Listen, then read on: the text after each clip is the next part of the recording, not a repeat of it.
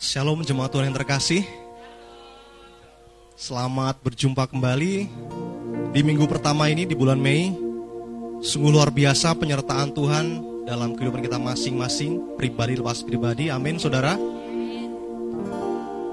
Dalam musim panas, musim kering, musim apa pun itu dalam hidup kita, bila kita ingat bagaimana Tuhan menuntun setiap perjalanan kita hingga saat hari ini, maka kita akan bersyukur atasnya. Dan lebih dari itu saudara, kehidupan kita sungguh berharga di hadapan Tuhan. Bahkan kita dijadikan mulia di hadapannya. Hari ini kita membawa segenap hidup kita, segenap keberadaan kita. Suara kita, hati kita mau tertuju menyembah Tuhan kita yang kudus, Tuhan kita yang satu-satunya yang maha mulia. Mari kita bersyukur, kita bawa segenap kehidupan kita. Tuhan kami bersyukur atas segala penyertaan Tuhan dalam padang gurun, dalam lembah, dalam apa pun itu yang kami lewati, kami bersyukur bahwa Tuhan menyertai setiap langkah kami. Tuhan ada bersama kami hingga hari ini ya Bapak. Hari ini kami ada sebagaimana kami ada, kami ingin memberikan segenap hati kami, segenap penyembahan kami tertuju hanya bagi nama Tuhan yang kudus, Allah kami yang hidup, Allah kami yang menjadikan kehidupan kami sungguh luar biasa. Terima kasih Bapak, terima kasih. Dengan hati yang penuh ucapan syukur, hati yang merendah di hadapan Tuhan kami berkata segala kemuliaan hanya bagi Tuhan. Kuduslah namamu ya Bapa mari jemaat Tuhan di tempat ini di rumah Tuhan dan di mana pun kau berada kita katakan penyembahan kita pujian kita hanya bagi Tuhan kita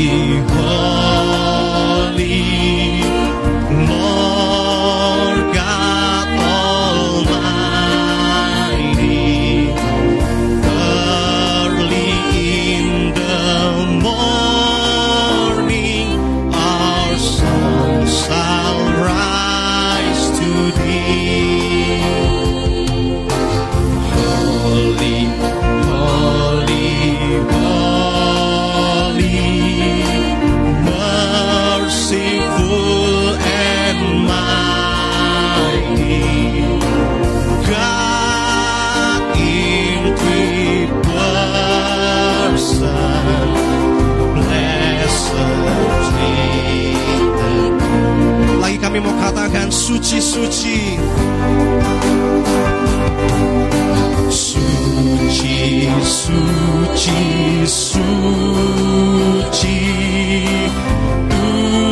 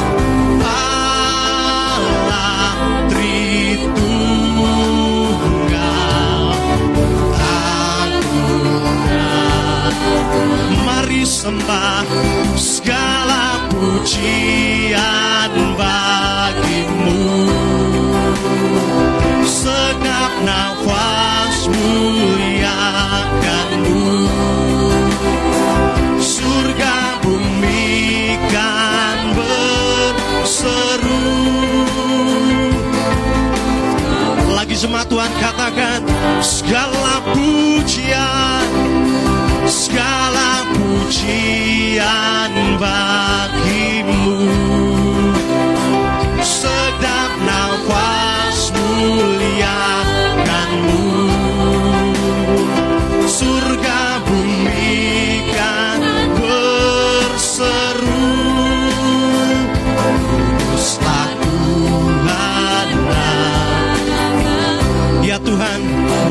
surga dan bumi, segenap kami yang ada ingin menyembah namamu, ingin meninggikan nama Yesus, Raja di atas segala raja, meninggikan nama Yesus yang berdaulat atas segenap kehidupan kami.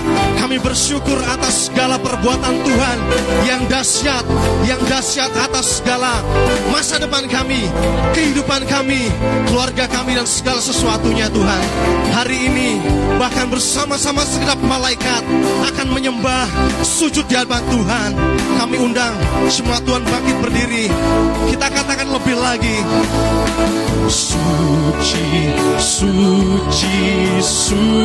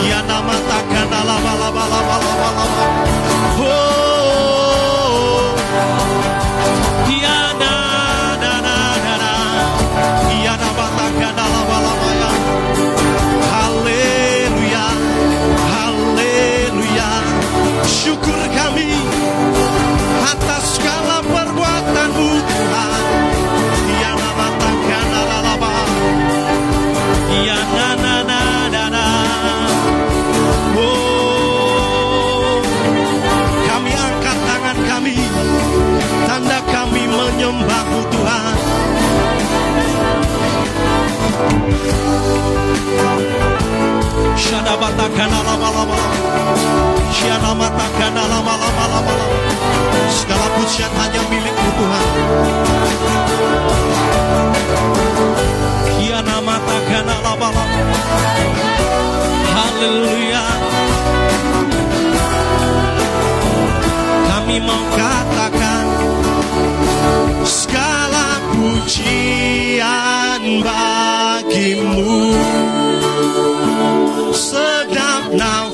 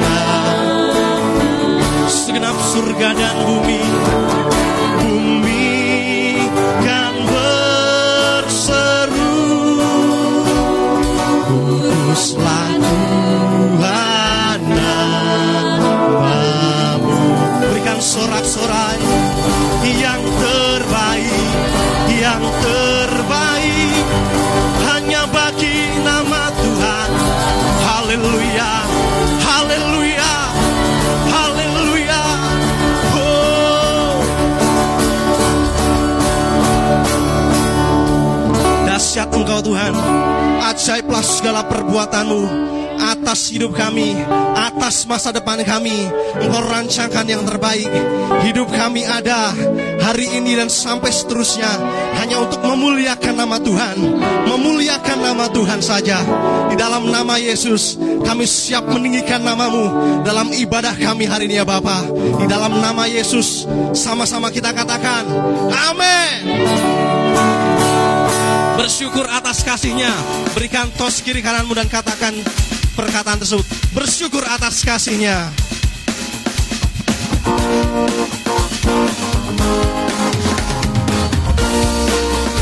Tetap bangkit berdiri. Kita akan memuji nama Tuhan. Syukur hanya bagi Tuhan. Sebab dia Allah yang dahsyat atas kehidupan kita. Hari ini dan sampai selamanya.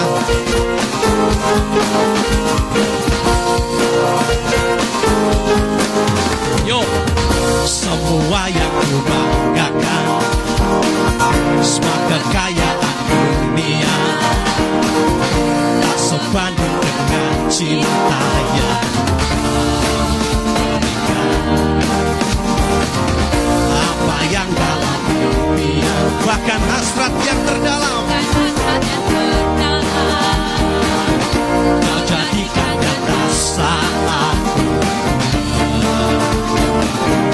Sama-sama katakan Dan dunia pun mencari. Jawaban tanpa tahu kebenaran Bahwa kaulah raja yang dahsyat Memberi kehidupan. Karena semua yang ucapkan Semua yang tercurah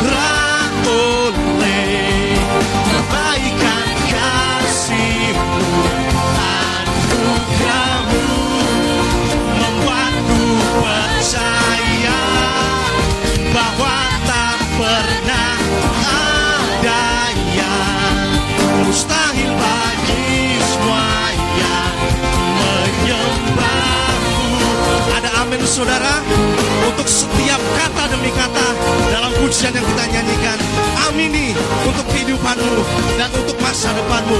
Yuk bersama-sama katakan lagi dari awal.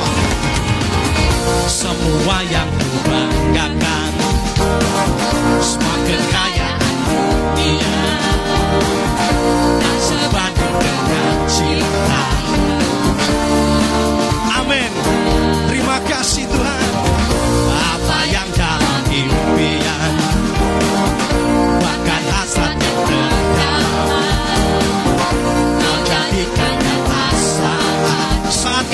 menyembah nama Tuhan. Sama-sama katakan Dan dunia pun mencari. Jawaban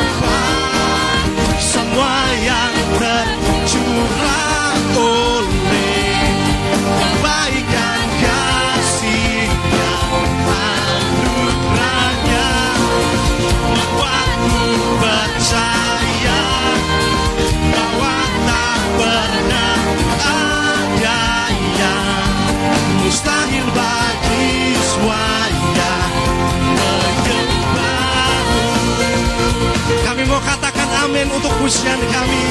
Bahwa tak ada yang mustahil bagi setiap kami. Anak-anak pilihanmu Tuhan. Ketika kami membawa hidup kami terus dekat di hadapan Tuhan. Membawa segenap hidup kami memuji meninggikan nama Tuhan. Dan Tuhan kami akan melihat nama Tuhan akan dipermuliakan lewat kehidupan kami. Kami bersyukur Tuhan. Kami bersyukur dunia pun mencari jawaban tanpa tahu kebenaran bahwa dia Tuhan. Lagi katakan saudara dan dunia pun mencari jawaban tanpa tahu kebenaran. Dialah raja yang dahsyat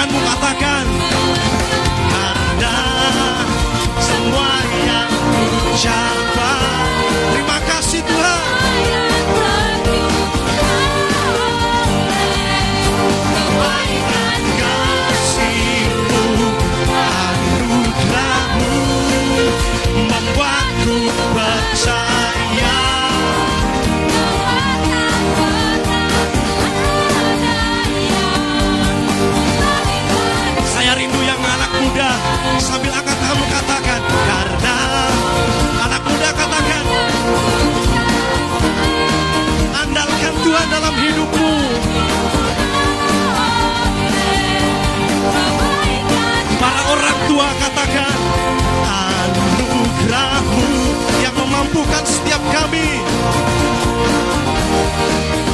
Bahwa tak pernah ada yang Sekali lagi saudara bersama-sama. Karena semua yang ku capai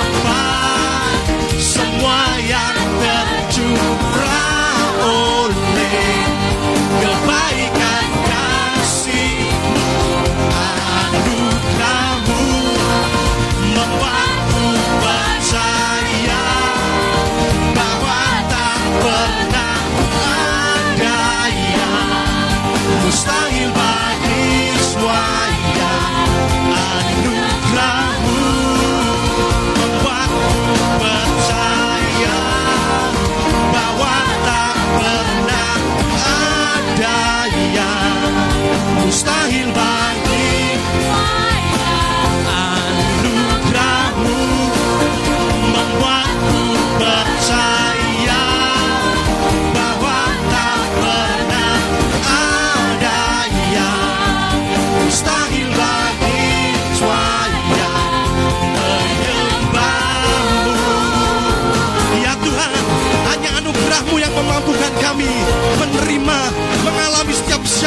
Tuhan berikan dalam hidup kami.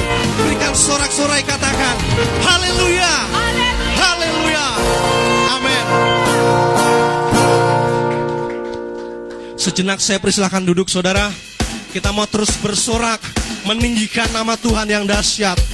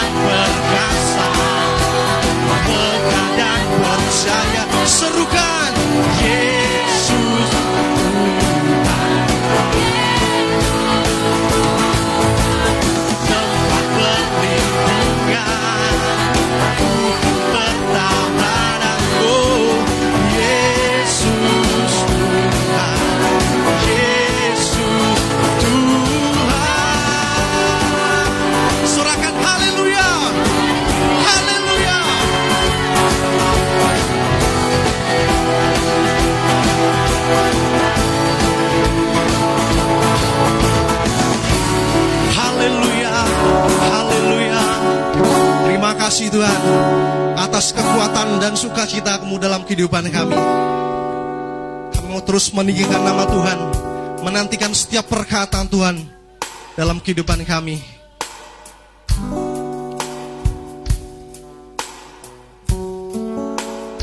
Sungguh kami rasakan dan kami alami hingga saat hari ini Bapa bahwa kesetiaan-Mu nyata, kesetiaan-Mu nyata hari lepas hari sampai hari ini dan kami yakin sampai selamanya dalam kehidupan kami.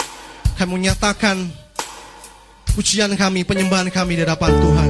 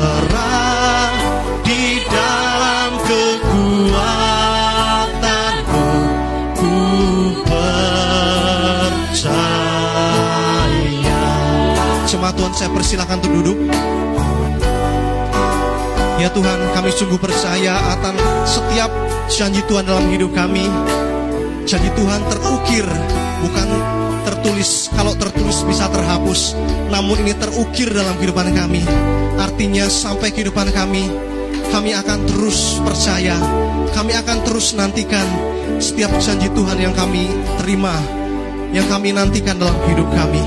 Terima kasih Bapak, terima kasih. Dan kami yakin percaya bahwa akan wujud nyatakannya dalam kemuliaan, dalam kemahadasyatan Tuhan atas hidup kami ya Bapa. Kami katakan kembali pujian kami. Sungguh besar setiamu Kau nyatakan bagiku Kau Bapa Kau Bapa yang selalu mengerti isi hatiku? Ini janjimu atas kami. Kemuliaanmu kau janjikan Dan kami akan terus percaya Tetap percaya janjimu ajaib. Terukir dalam kehidupanku. Ku berserah di dalam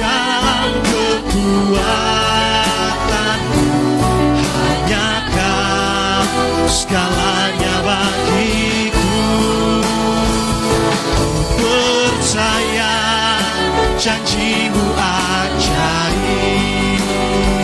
Tak ukir dalam kehidupanku. Serah di dalam kekuatanku. Terpercaya Hari ini kami mau angkat tangan kami percaya, kami percaya akan setiap janji yang kami terima, yang kami terima dalam hidup kami. Kami mau percaya bahwa Tuhan akan nyatakan dalam hidup kami.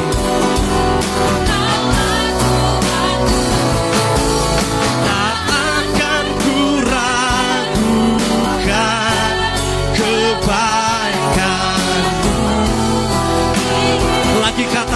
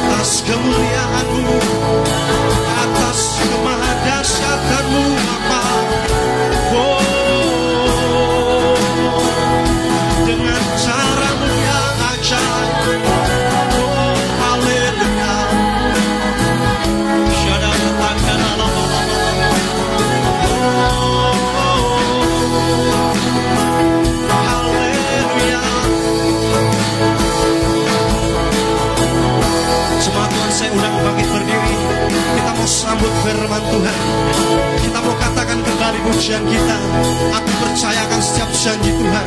Kami nantikan dalam kemurahan dan keajaiban Tuhan.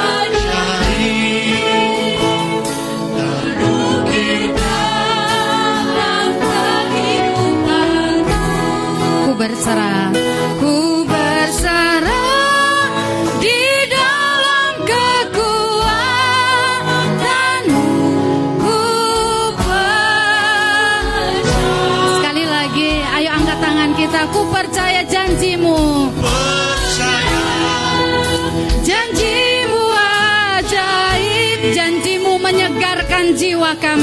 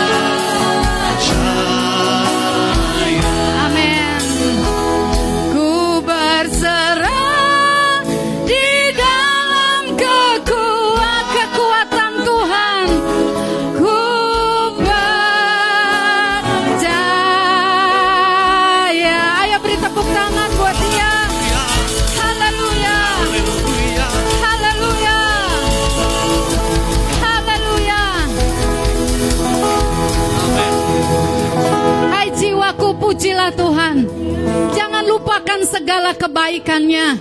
Dia yang mengangkat engkau, dia yang menebus hidupmu dari lubang kubur. Dia yang memenuhi hasrat jiwamu dengan kebaikannya yang tidak pernah terbatas. Hari ini kami mau bergirang, kami bersuka cita. Janjimu menyegarkan kami Tuhan, menguatkan batin kami. Biar mata kami ini terus dilumas supaya kami mengerti pengharapan apa yang terkandung dalam janjimu itu Tuhan. Terima kasih Tuhan. Puaskan umatmu dan hambamu Tuhan dengan kehadiranmu.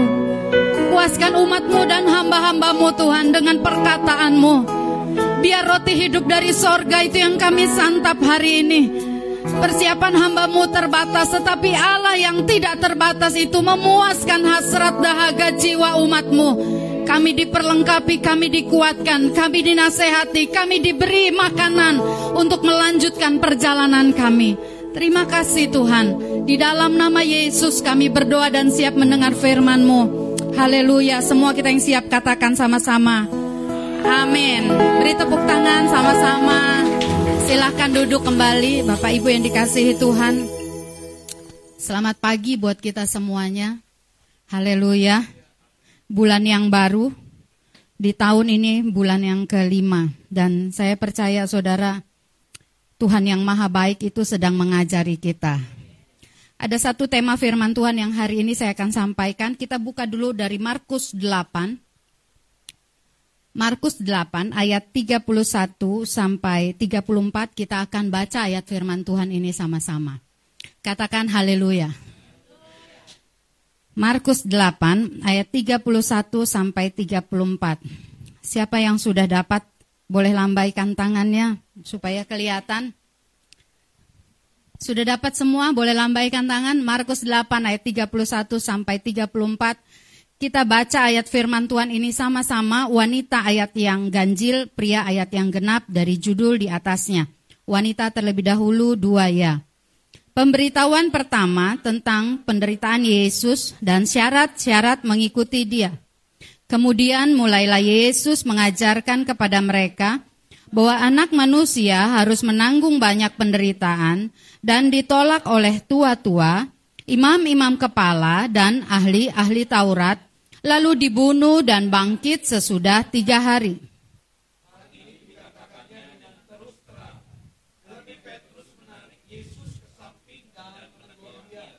Maka berpalinglah Yesus dan sambil memandang murid-muridnya, ia memarahi Petrus katanya, Enyahlah iblis sebab engkau bukan memikirkan apa yang dipikirkan Allah, melainkan yang dipikirkan manusia.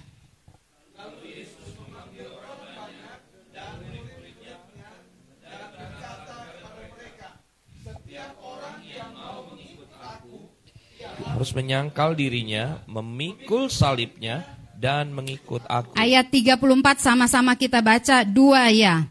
Lalu Yesus memanggil orang banyak dan murid-muridnya dan berkata kepada mereka, Setiap orang yang mau mengikut aku, ia harus menyangkal dirinya, memikul salibnya, dan mengikut aku. Firman Tuhan pagi hari ini, saudara, saya beri tema memikirkan apa yang dipikirkan Allah. Memikirkan apa yang dipikirkan Allah. Markus ya 8 ayat 31 34 yang kita baca barusan saudara. Ada peristiwa yang dicatat ketika Yesus mulai berkata terus terang tentang penderitaan.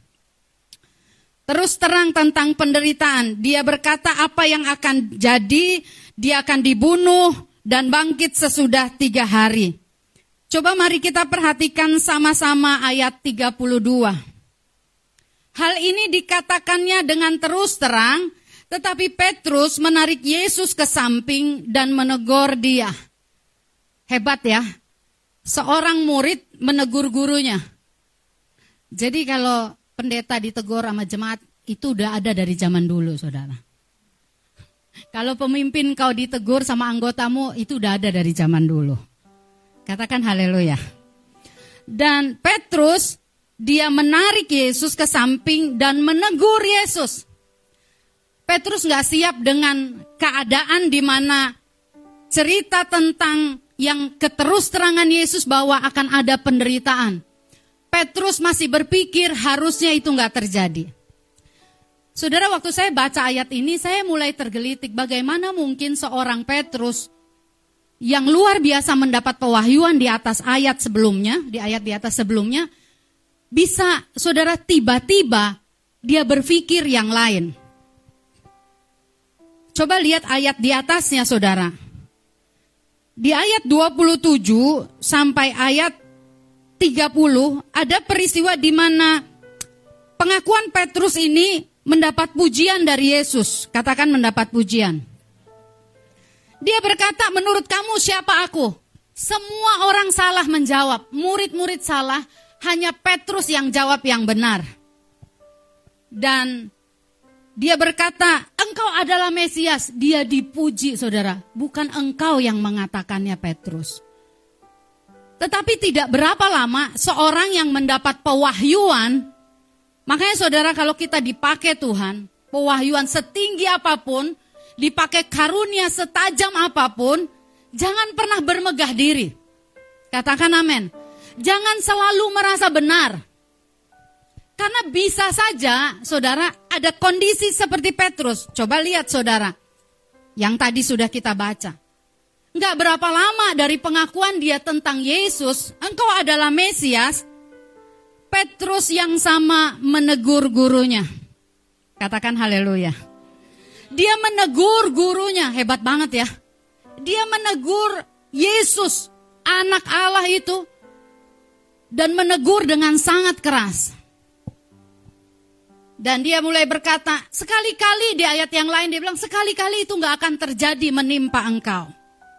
Mari kita lihat saudara, apa sih yang terjadi?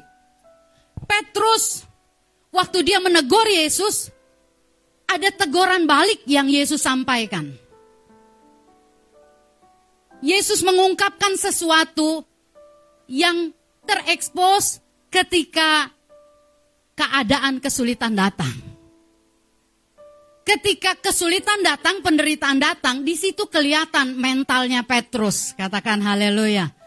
Ternyata dia nggak siap untuk menderita ikut Tuhan.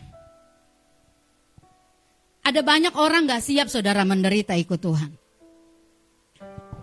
Saya ajak kita saudara perhatikan ayat 32. Hal ini dikatakannya dengan terus terang tetapi Petrus menarik Yesus ke samping dan menegur dia. Maka berpalinglah Yesus dan sambil memandang muridnya, ia memarahi Petrus. Yesus memandang kepada Petrus, tetapi lihat perkataannya ditujukan ke siapa? Kepada iblis, benar nggak? Dia memandang murid-muridnya, dia menegur Petrus, tapi ungkapannya disampaikan kepada iblis. Enyahlah iblis. Enyahlah iblis. Petrus yang mendapat pewahyuan tiba-tiba pikirannya bisa dimasuki oleh pikiran dari iblis. Ingat saudara, pertama kali kita terpisah dari Tuhan manusia pertama. Keluar dari Taman Eden, itu dimulai ketika pikirannya disusupi oleh perkataan si ular tua. Haleluya. Itu sebabnya betapa pentingnya kita untuk berhati-hati. Istilahnya saudara, kalau pikiran ini adalah kotak penyimpanan, engkau harus hati-hati. Suara siapa yang kau izinkan masuk tersimpan di memorimu. Haleluya. Informasi dari mana yang kau simpan? Karena dari sanalah kita akan berekspresi. Katakan berekspresi. Pikiran kita ini tempat pertempuran pikiran ini saudara. Kadang-kadang ada banyak orang simpen di pikiran yang sebenarnya nggak benar, tapi baik. Contoh, ada pameo nenek-nenek tua yang kadang-kadang kita masih simpen. Orang kejatuhan cicak misalnya. Haleluya. Kejatuhan cicak. Dia bisa tiba-tiba saudara, dia langsung kepikiran ada yang mati. Katakan.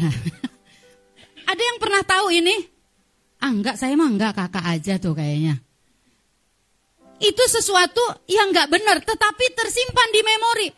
Orang mimpi giginya copot. Siapa yang pernah? giginya copot. Terus ditanya sama orang, gigi bawah apa gigi atas? Betul nggak? Kalau ke dokter gigi dulu waktu anak-anak, saudara, kalau giginya copot tuh, kalau gigi apa tuh saya lupa harus buang ke atas genteng. Katanya biar dia numbuh ya kan. Ada yang bilang ini harus dikasih ke peri gigi. Saudara banyak yang kelihatan baik tapi nggak benar. Katakan haleluya. Ada orang bilang begini, kalau nggak kredit kapan kita punyanya? Masalahnya yang kau kredit panci. Yang kau kredit sesuatu dan banyak orang mulai mengkredit tapi nggak punya iman. Banyak orang mulai memaksakan diri mengkredit, kelihatannya baik loh. Orang bilang gini, udah waktunya kamu punya mobil, udah waktunya kamu punya rumah. Tapi kita sendiri sebenarnya nggak punya kesanggupan. Nanti di ujungnya saya akan sampaikan. Apakah slide-nya bisa dibuka? Ceritanya lagi belajar. Beri tepuk tangan dong. Udah. Tapi nggak tahu ini menyusahkan multimedia karena yang bikin amatiran. Memikirkan apa yang dipikirkan Allah. Coba selanjutnya. Pikiran kita adalah tempat pertempuran. Di sini saudara, di sini. Anda bersuka cita apa enggak ditentukan di sini kok. Katakan haleluya. Ada orang saudara, satu hari pernah, itu bisa salah sangka loh. Pernah ada ada kejadian saya lupa tuh kapan ya saudara. Ada orang kasih sesuatu sama saya. Padahal itu saya pesen dan bayar. Tapi ini makanya saudara, saya kalau dapat apa-apa dari jemaat nggak berani posting. Mohon maaf kalau yang minta diposting nggak usah kasih. Karena itu bisa melukai orang lain. Orang akan bilang gini, pantas kakak baik sama dia. Kalau ketemu dia hangat, dicipika-cipiki. Oh karena sering dikasih. Padahal sekali doang dia ngasihnya. Satu hari ada pemberian dan ada seseorang melihat.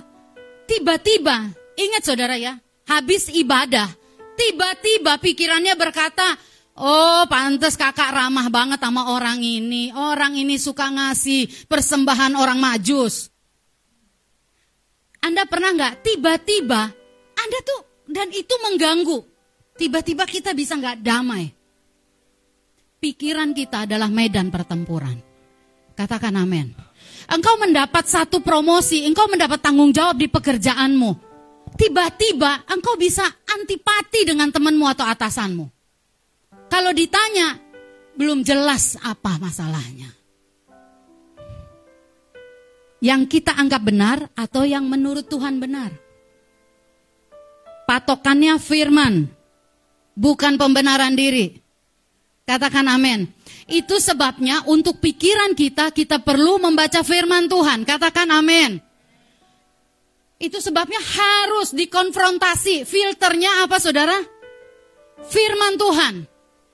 Filternya bukan apa yang enak menurut kita. Kita nggak boleh turunin standar firman Tuhan demi orang nyaman sama kita. Biar orangnya nggak pergi. Firman tetap harus ada di tempatnya. Katakan amin. Firman bukan pembenaran diri. Petrus punya pembenaran diri. Petrus ngerasa dia udah dapat pewahyuan tingkat tinggi.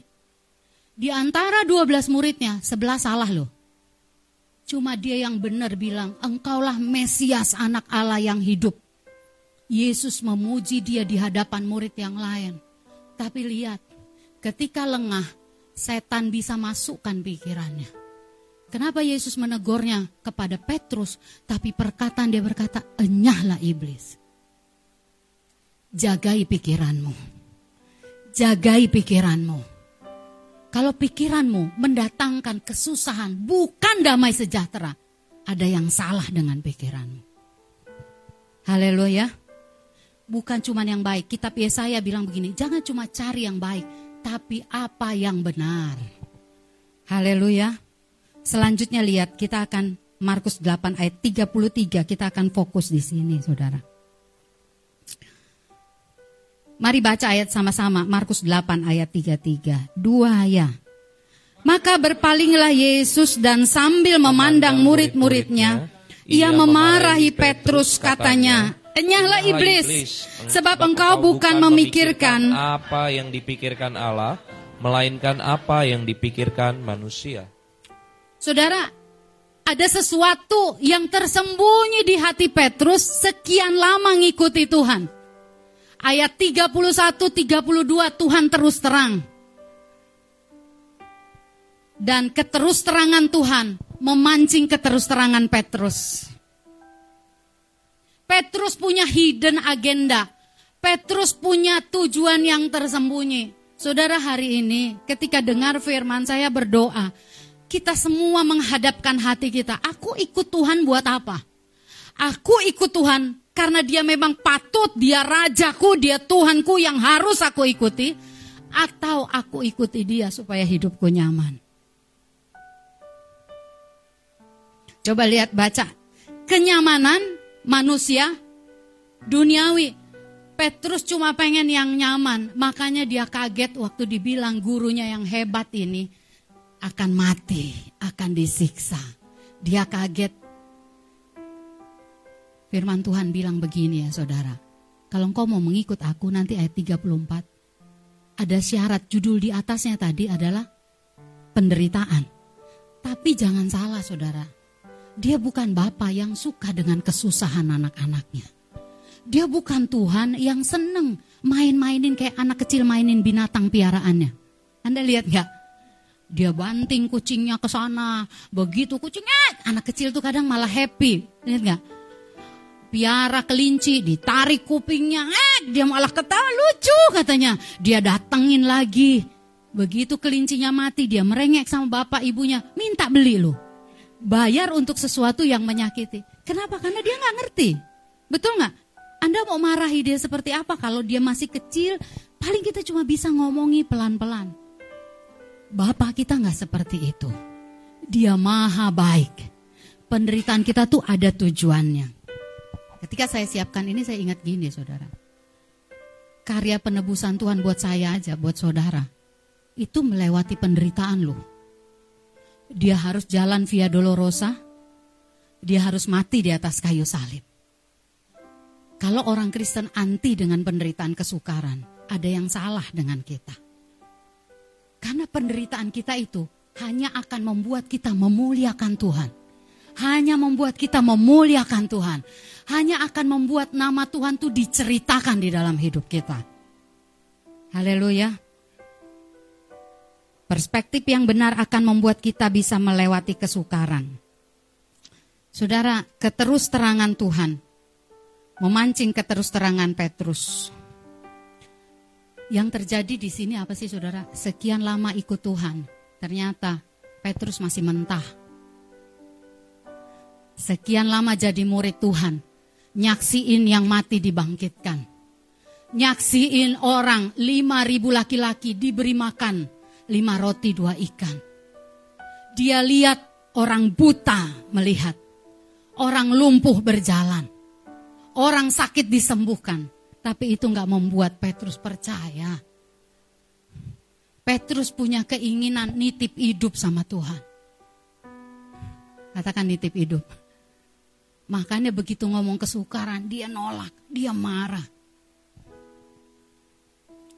Pertanyaannya hari ini, siapkah kita? Kadang kita ngomong gini kan ya, apalagi kalau mau nyampein firman Tuhan kan jam pemberitaan firman. Bicaralah Tuhan. Kadang deg-degan loh kita ngomong gitu loh. Siapkah kita kalau Tuhan bicara terus serang kepada kita? Wong dapat pesan Tuhan aku baik-baik aja dibilang lagi nggak baik aja nggak suka kita. Betul nggak sih? Ada yang datang gini, kenapa sih aku dapat pesan Tuhannya gitu-gitu mulu? Perasaan gue juga udah baik. Saya suka bilang gini, ya udah udah baik, ya tenang aja ya. Iya kan? Tenang aja, kenapa jadi marah? Siapkah kita kalau satu hari, saudara, Tuhan terus terang tentang hidup kita? Gimana sih caranya kita bisa memikirkan apa yang dipikirkan Allah? Petrus nggak mikirin Yesus harus menderita mati untuk keselamatan banyak orang. Kalau orang hanya memikirkan kenyamanannya, makanya nggak siap kalau diajak besuk. Eh, kok nyambre ke situ? Makanya nggak kepikir besuk orang, apalagi nggak ada hubungannya. Tapi orang yang memikirkan pikirannya Allah, dia tahu betapa beruntungnya hidupnya. Di tengah kesukarannya dia ingat orang lain. Di tengah penderitaannya dia ingat orang lain ada yang menderita. Di tengah kekurangan dia ingat ada orang yang kekurangan. Itu yang membuat saudara, ketika kita memikirkan pikiran Allah, engkau akan mengebaskan baju kesedihanmu. Belum ada uang sih. Kami ngalami sekian lama kemarin saudara. Tapi tangan gak boleh kosong kalau Tuhan suruh terulur. Itu yang namanya di kitab Efesus supaya kamu mengerti pengharapan apa yang tersimpan pada janji panggilannya. Itu yang membuat saudara, badanmu sakit. Orang yang memikirkan pikirannya Allah, dia akan ingat orang lain yang sakit. Dia nggak bilang begini, aku sakit kok nggak ada yang besuk. Nggak. Bukankah Tuhan kita Tuhan yang maha tahu? Waktu engkau harus dibesuk, percayalah. Tuhan akan kirim orang untuk membesukmu. Percaya. Makanya firman Tuhan bilang begini. Nyatakanlah dalam segala hal keinginanmu. Dalam doa dan ucapan syukur. Petrus gak siap kehilangan Yesus. Bukan karena yang lain akan susah. Dia pikir dirinya yang susah. Dengerin jemaat GPI Kemah Pujian hari-hari ini. Tuhan akan bicara terus terang di tengah-tengah kita. Dia akan mengekspos yang masih di dalam ini loh saudara. Yang gak siap dikasih beban. Yang hanya pusing memikirkan diri. Ini tanda-tanda manusia akhir zaman. Mereka gak berpikir panjang berlagak tahu, ya kan? Makanya kalau ngomong panjang, nanti dia sok tahu. Kalau orang ngomong dia nggak boleh ketinggalan informasi, dia juga udah tahu. Dan dia hanya memikirkan dirinya sendiri. Pikiran Allah selalu memikirkan kita anak-anaknya. Pikiran Allah selalu saudara untuk orang-orang yang gagal, yang jatuh, dia tetap memikirkan kita.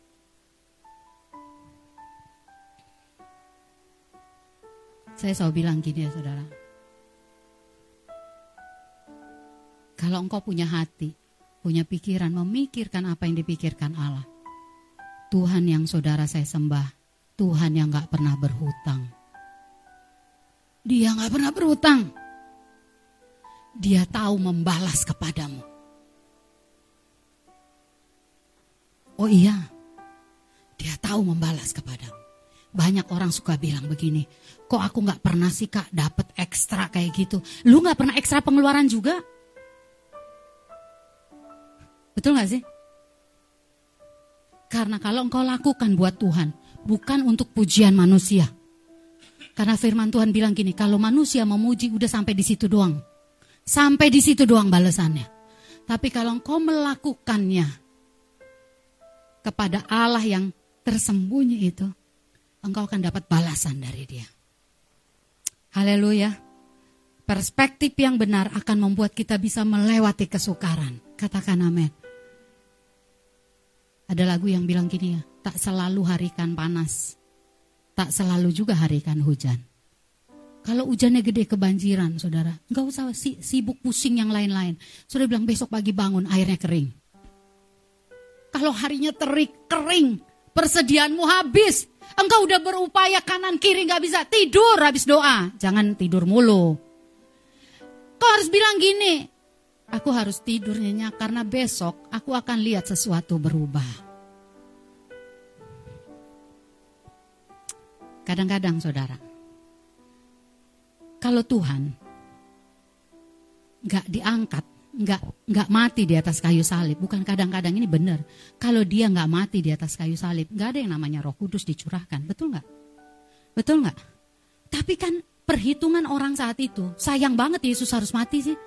Coba kalau Yesus pas disalib gitu tiba-tiba dia terbang, eng eng eng. Bukannya kekristenan tuh malah bagus? Iya kan lebih spektakuler. Kenapa sih dia nggak buat itu? Kita kadang ketawa yang ngomong gitu, bener gak sih? Tapi bukannya kita kalau ada masalah, kita selalu berharap instan kayak gitu, Tuhan tolong. Ada orang kekurangan uang yang dicek rekeningnya aja. Orang lu gak pernah salurin ke rekening orang, gak bakal. Haleluya. Apa? Yang sini yang banyak. Yang mana yang banyak?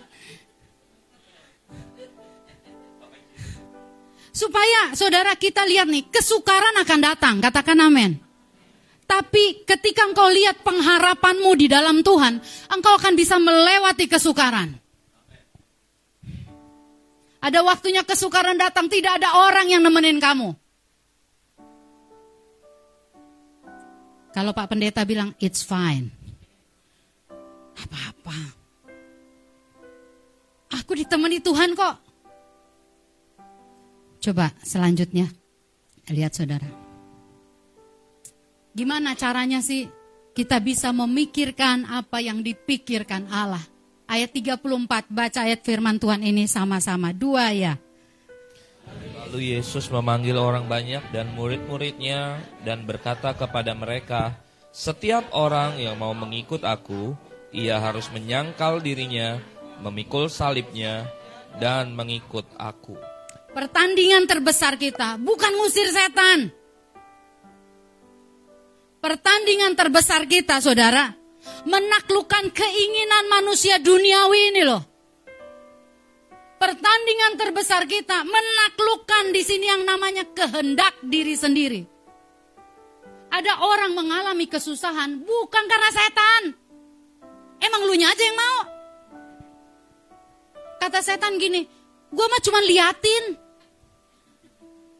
Lu aja yang mau milih jalan sendiri, betul nggak? Terus Anda tengking-tengking setannya. Dalam nama Yesus kata setan. Ya Tuhan, kan aku nggak ngapa-ngapain. Banyak orang sudah diberi nasihat, tapi jalan terus. Jalan terus. Ada waktunya ya. Sebenarnya Tuhan mau. Dia mengekspos keadaan kita. Bukan lewat situasi. Dia pengen ekspos apa yang di hati kita. Apa keadaan yang hari ini kita terpuruk. Itu lewat firman. Katakan lewat firman. Lewat firman. Bilang kanan kiri lewat firman. Tapi waktu kita dengar firman, kita nggak ngerasa diekspos. Harus diizinkan situasi datang. Dan kalau situasi yang mengekspos kita, itu bisa memalukan. Itu bisa menyakitkan. Bilang kanan kayak gini, lebih baik lewat firman aja.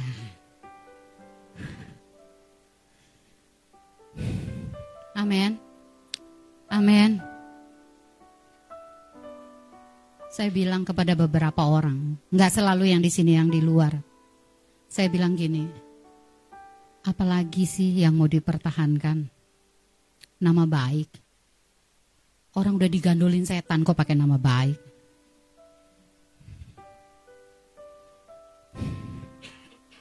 Katakan sama-sama, peperangan saya bukan hanya melawan setan. Tetapi menundukkan keinginan diri saya yang bertentangan dengan firman. Kalau besar pasak daripada tiang itu bertentangan nggak?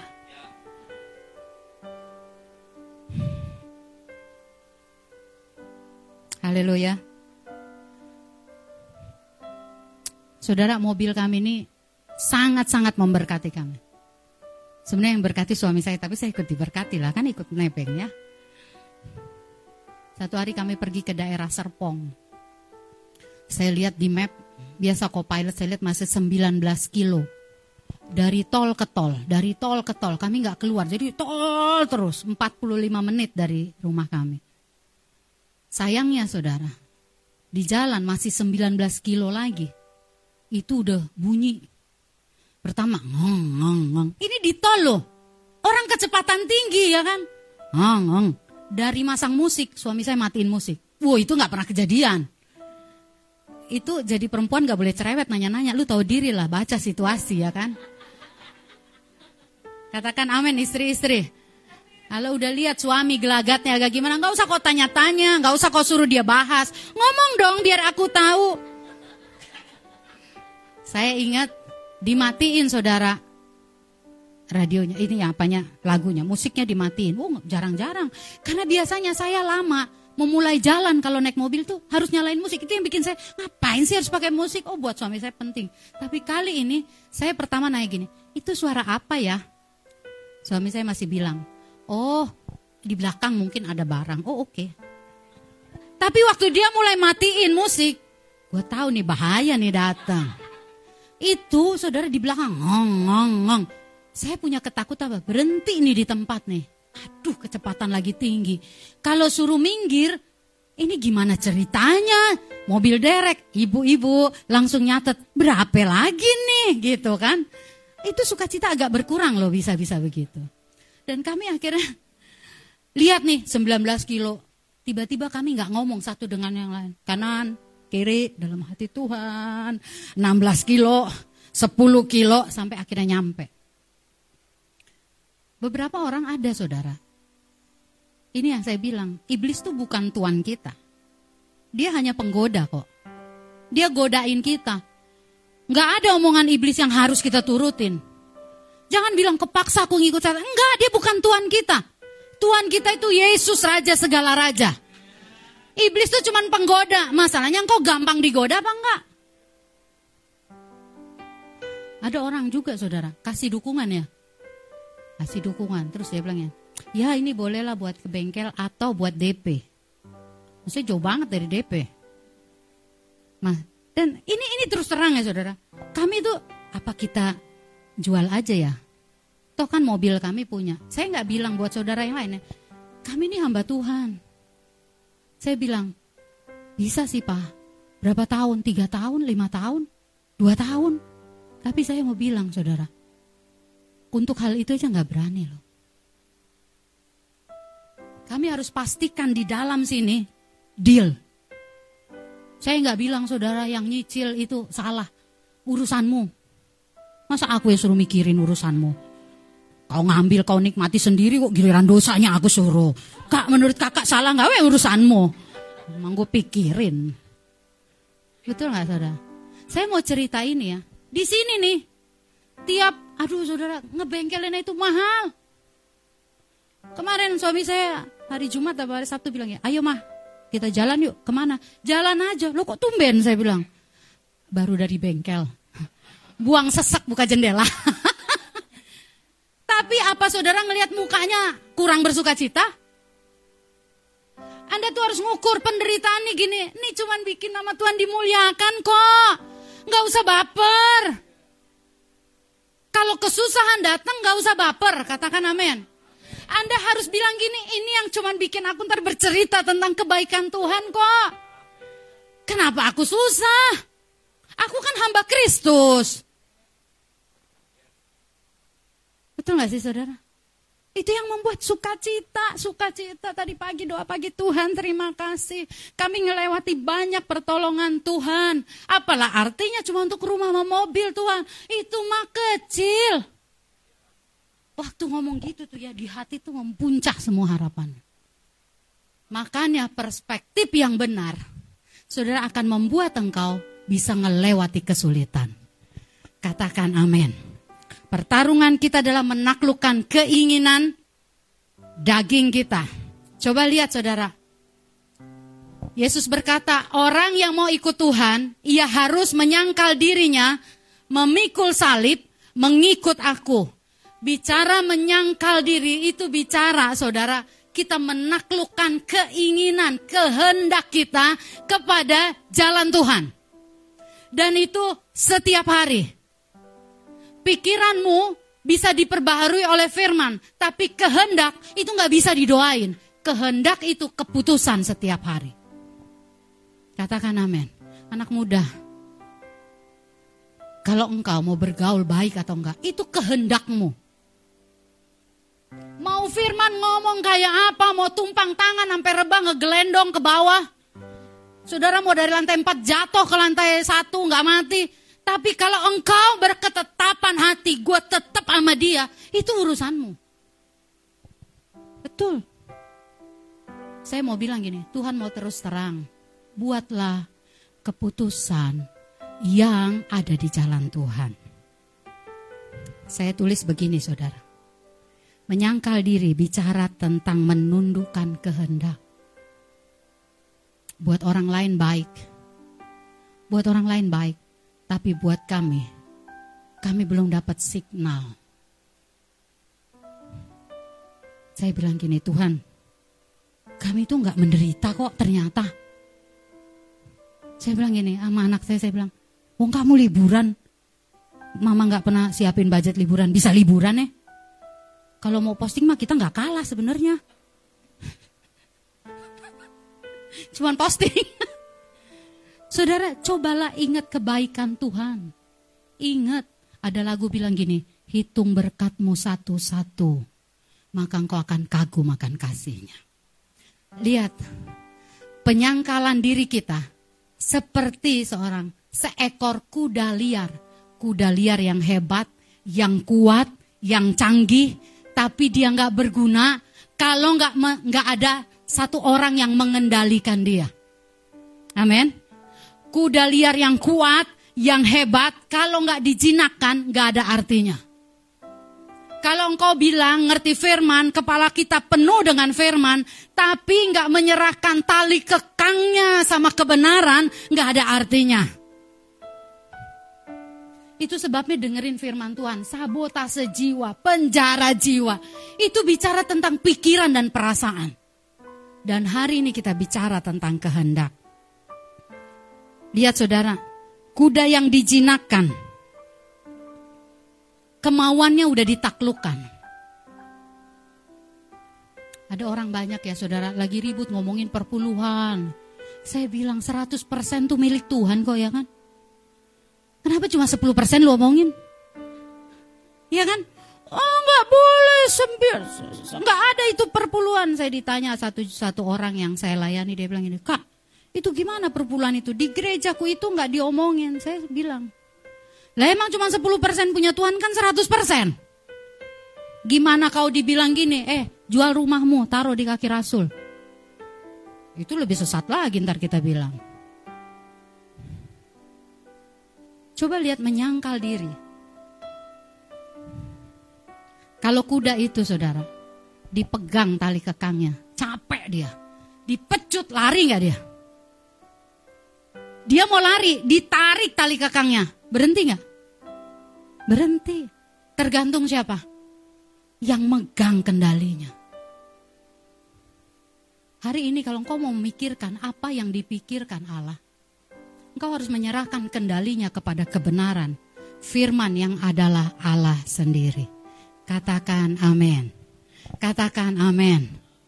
Anda nu mau liar, mau mau mau main sesuka-sukanya. Ada kebenaran di sini. Ada kebenaran yang bunyi. Ada orang bilang gini, ya saya pacarannya emang gini gayanya. Ada kebenaran yang sini. Bukan aturan gereja, kebenaran yang di sini. Oh saya dari dulu orangnya begini, saya emang nggak mau diajak repot-repot. Ada kebenaran yang di sini. Kita nggak diatur hanya oleh aturan, tetapi firman kebenaran itu membuat kita menyangkali keinginan kita.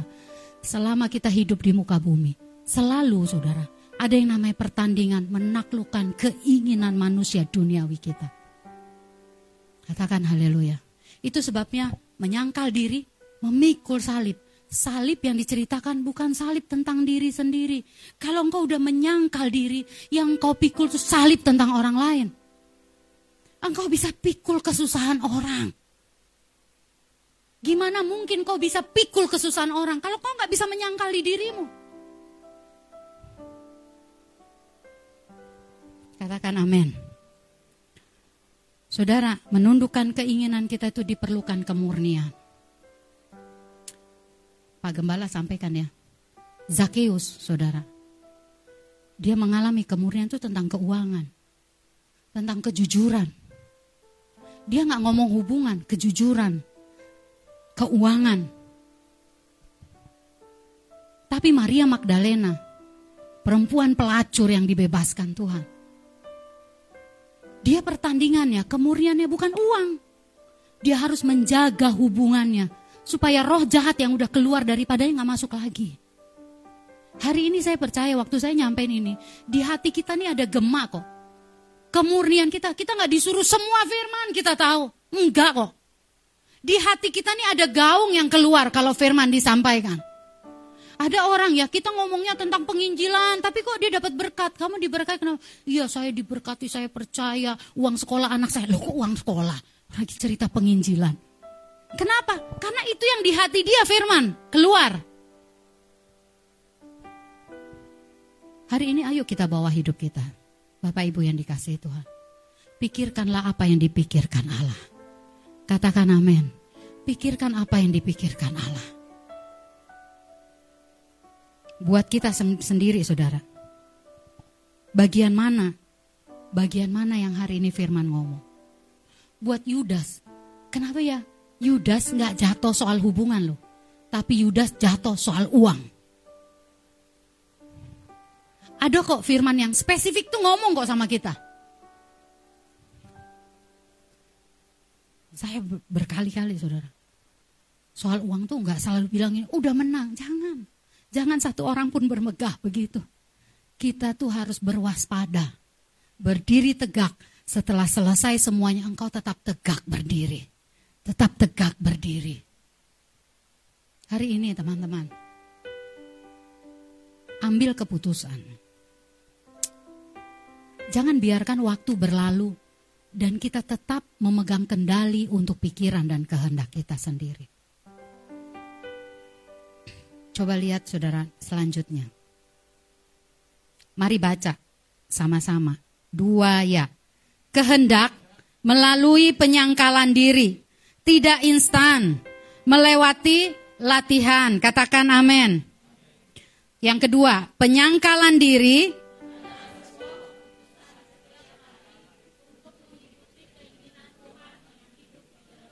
Katakan amin. Jadi kalau nggak baca firman tiap hari, bisa nggak ngikutin jalan Tuhan? Bisa nggak? Bisa. Wong udah baca firman aja bisa nggak ngikutin? Apalagi yang nggak baca firman. Katakan haleluya, lambaikan tangan dulu sama-sama. Biar saya lihat saudara mendengar, mengerti, memahami, tapi engkau yang buat keputusan. Katakan amin. Ada banyak orang selalu al kasih alasan kesibukan. Tapi dia akan selalu juga paling depan minta ditolong. Saya selalu bilang gini ya. Hidup ini kan apa yang kita petik itu apa yang kita tabur ya. Betul gak sih? Ya. Aku memetik apa yang aku tanam. Kalau aku ngomong sibuk sama Tuhan, Iya Tuhan sih maha kasih. Oh kita tuh paling jago lah kayak gitu. Tapi Tuhan bisa nggak bilang, aku lagi sibuk nak. Atau Tuhannya kan bukan kakak. Kalau kakak memang begitu. Iya emang aku begitu. Percaya saudara. Waktu engkau melakukan sesuatu ingat.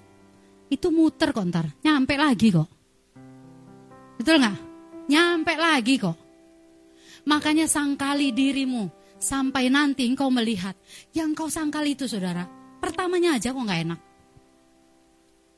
Ada orang yang berat badannya turun drastis ya. Ditanya, kok bisa sih? Makannya rebus-rebusan. Wih, kita langsung, ih mana bisa gue pagi-pagi udah telur ceplok. Goreng. Telur dadar, nasi uduk. Lu apa? Labu siam. Aduh, bukan makanan. Telur direbus, sayur direbus. Ih, lah, gitu. Tahu nggak saudara, satu hari orang itu udah ngelewatin masa.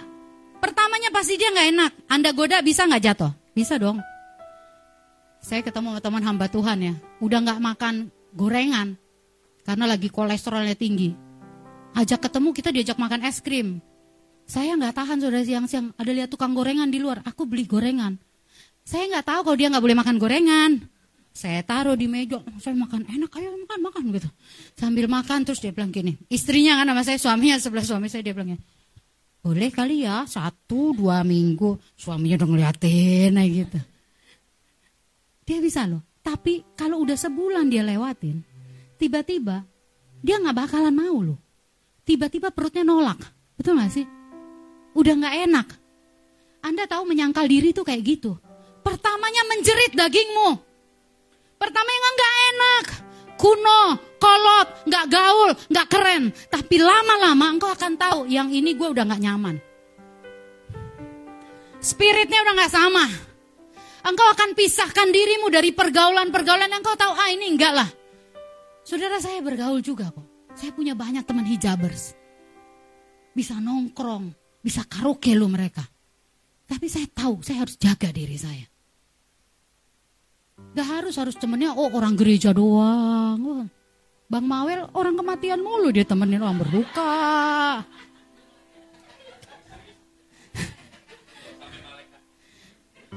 malaikat pencabut nyawa udah sering dia lihat lalu lalang sih itu. Oh kalau malaikat pencabut nyawa itu Kak Ellen yang lihat. Bang Mawel bagian penyelesaian ke bumi. Tapi saya mau bilang saudara. Anda dan saya harus menjaga dirimu.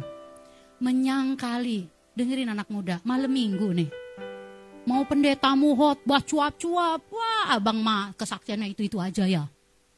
Saya dulu, nah, waktu kerja, jam 5 saya cari Tuhan kalau hari Sabtu.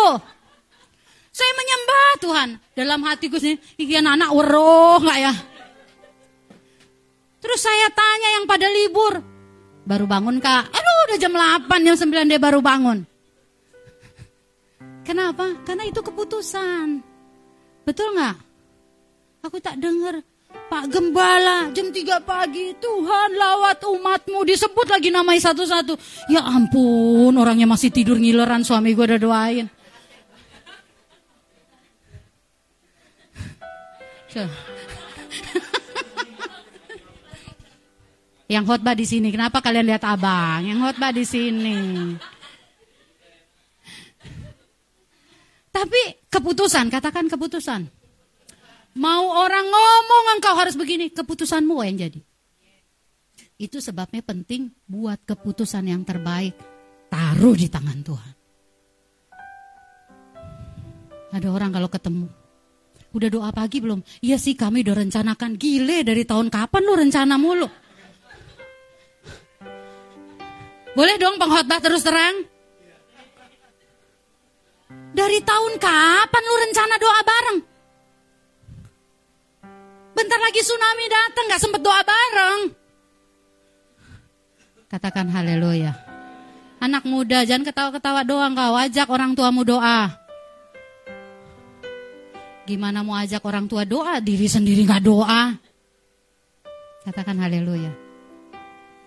Akan ada waktu yang sukar datang. Tapi kehendak yang udah ditaklukkan. Kau bisa dengar arahan Tuhan. Kau bisa dengar kok. Ada orang-orang yang bersaksi, dia mau pergi ke satu tempat satu hari. Roh Tuhan tuh suruh dia nggak pergi loh. Selamat dia dari celaka. Anda tahu banyak celaka, orang mati sebelum waktunya. Karena nggak mau dikasih tahu. Betapa pentingnya menaklukkan keinginan. Itu bukan untuk merugikanmu, justru menguntungkanmu. Amin. Amin. Latih dirimu untuk menyangkali, menyangkali. Buat keputusan, kehendak yang ada di jalan Tuhan. Katakan amin. Katakan amin. Gak nyaman kak, bangun pagi-pagi. Bangun pagi-pagi. Ah, apa kalau lagi doa tak lirikin. Aku sambil lihat. Oh malaikat. Kasihlah kecoa itu di ke Juanda itu dulu kayak dulu lagi. Aku bilang. Oh Tuhan, Masuklah kecoa ke celana anak-anak ini biar pada bangun semua ini. Kenapa tahu Anda, saudara, kenapa dia Bapak Gembala harus doanya pagi-pagi? Nah dia tahu mana itu diberinya pagi. Mana diberinya pagi. Anda nggak ngambil, mananya lumer. Terus besok datang doa, kami kekurangan. Siapa suruh? Katakan haleluya. Amin. Biar kita menyangkali diri kita. Mari lihat lagi Matius tadi. Markus tadi. Kita akan tutup ini. Di tempatmu yang kau harus bilang gini loh Tuhan. Kalau saya dengar firman saya bilang Tuhan tolong aku supaya aku nggak gombalin engkau terus Tuhan. Di tempat duduk saya kalau saya dengar khotbah saya bilang Tuhan tolong aku, aku suka gombal. Aku suka janji tapi aku nggak bisa penuhi. Tolong aku Roh Kudus supaya aku menghidupi yang aku nazarkan. Kadang dengar firman, aku besok mau begini. Eh enggak lagi. Tolong aku Roh Kudus. Tolong aku Roh Kudus. Jangan biarkan engkau berjalan di hidup ini dengan kehendakmu sendiri. Katakan amin. Anak muda, jangan gaulnya kebablasan. Percayalah, kesusahan menunggu engkau. Jangan kau pakai gini, pacarannya udah begini, udah hancur. Percayalah. Gak ada kata terlambat bertobat. Gak ada kata terlambat bertobat. Gak ada kata istilah malu mau datang aku minta doain, minta diawas. Gak ada.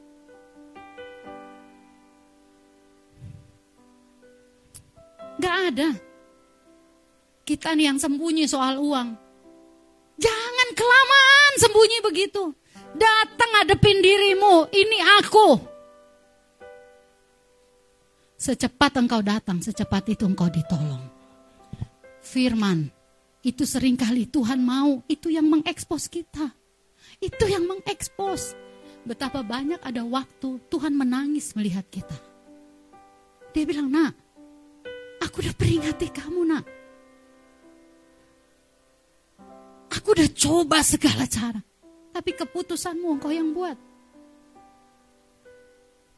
Itu pun waktu kondisi yang mengekspos kita, Tuhan gak tinggalin kita loh.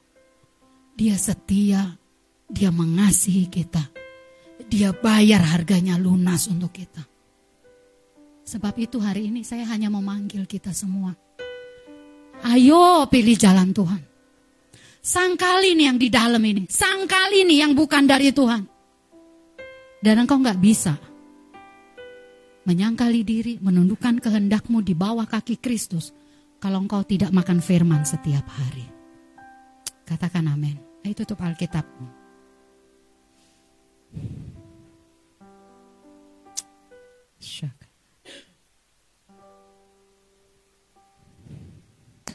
Ada kesusahan yang datang.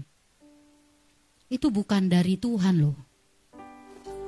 Ada kesusahan yang datang karena kita tidak menaruh kehendak kita. Menyangkali diri kita. Haleluya.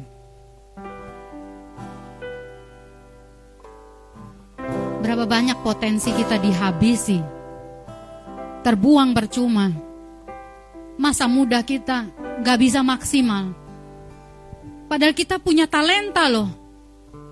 Kita tahu firman. Kenapa? Karena kita seperti kuda liar yang gak pernah kasih tali kekangnya sama sang pemilik hidup ini.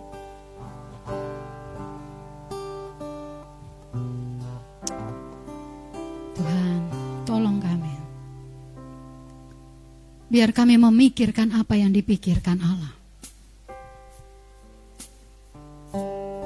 Apa pun, apa pun kondisi yang kami lewati. Waktu kami senang secara daging atau susah. Waktu kami dipromosi atau kami mengalami aniaya. Biar kami menaruh keinginan kami kepadamu Tuhan. Biar terangmu makin bersinar di hidup ini. Terima kasih Tuhan. Terima kasih Allahku. Ayo masing-masing di tempatmu, renungkan firman ini. Kalau Tuhan berterus terang kepada kita, akankah kita bereaksi seperti Petrus yang menegur Tuhan? Enggak gitu Tuhan.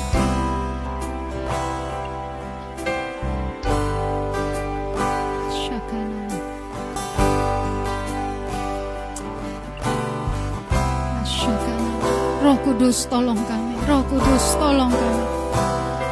Roh Kudus tolong kami. Haleluya. Ayo jujur hadapkan hatimu kepada Tuhan.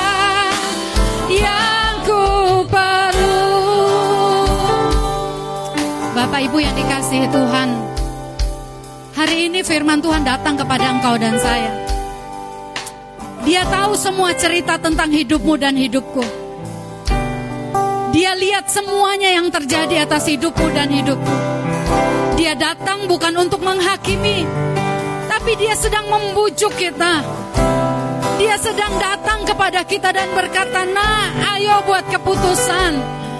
Nah, ayo buat keputusan. Nah, jangan tunda, jangan tahan lagi.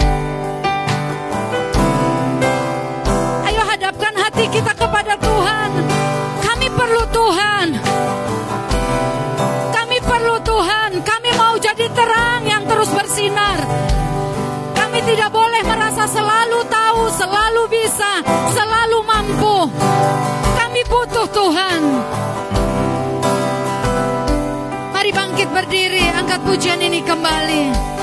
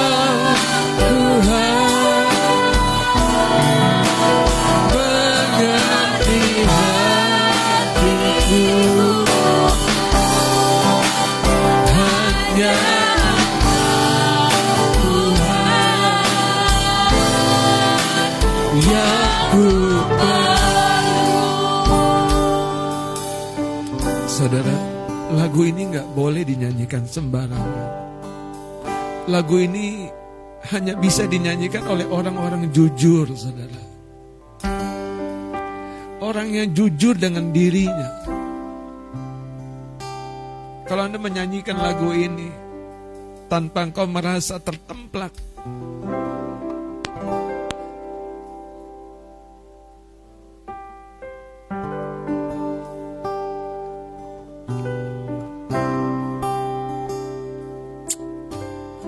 Biar perjamuan kudus pada pagi hari ini menjadi sebuah kekuatan buat kita.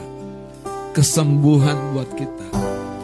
Tapi itu dimulai ketika kita merespon, menerima dengan hati yang siap, hati yang benar. Biar firman Allah saudara yang ditaburkan akan mendatangkan kesembuhan kata firman. Ketika kita menerima dengan hati yang benar, hati yang siap. Saudara hati yang tertemplak itu bukan hati yang baper. Hati yang tertemplak itu hati yang diserahkan kepada Tuhan dan berkata, "Ya Tuhan, aku mau berubah." Berapa banyak di tempat kita, di tempat di ini hari ini kita mau berkata, "Ya Tuhan, aku mau berubah." Dan sungguh-sungguh Perubahan yang pertama itu selalu dimulai tentang hubungan kita dengan Tuhan. Kita nggak akan bertahan melawan dosa kalau hubungan kita dengan Tuhan tidak cukup kokoh berakar. Sebentar kita akan terima tubuh dan darah Yesus. Silakan duduk bagi saudara. Ketika Ibu Gembala berbicara tentang keterus terangan saudara, ini yang luar biasa.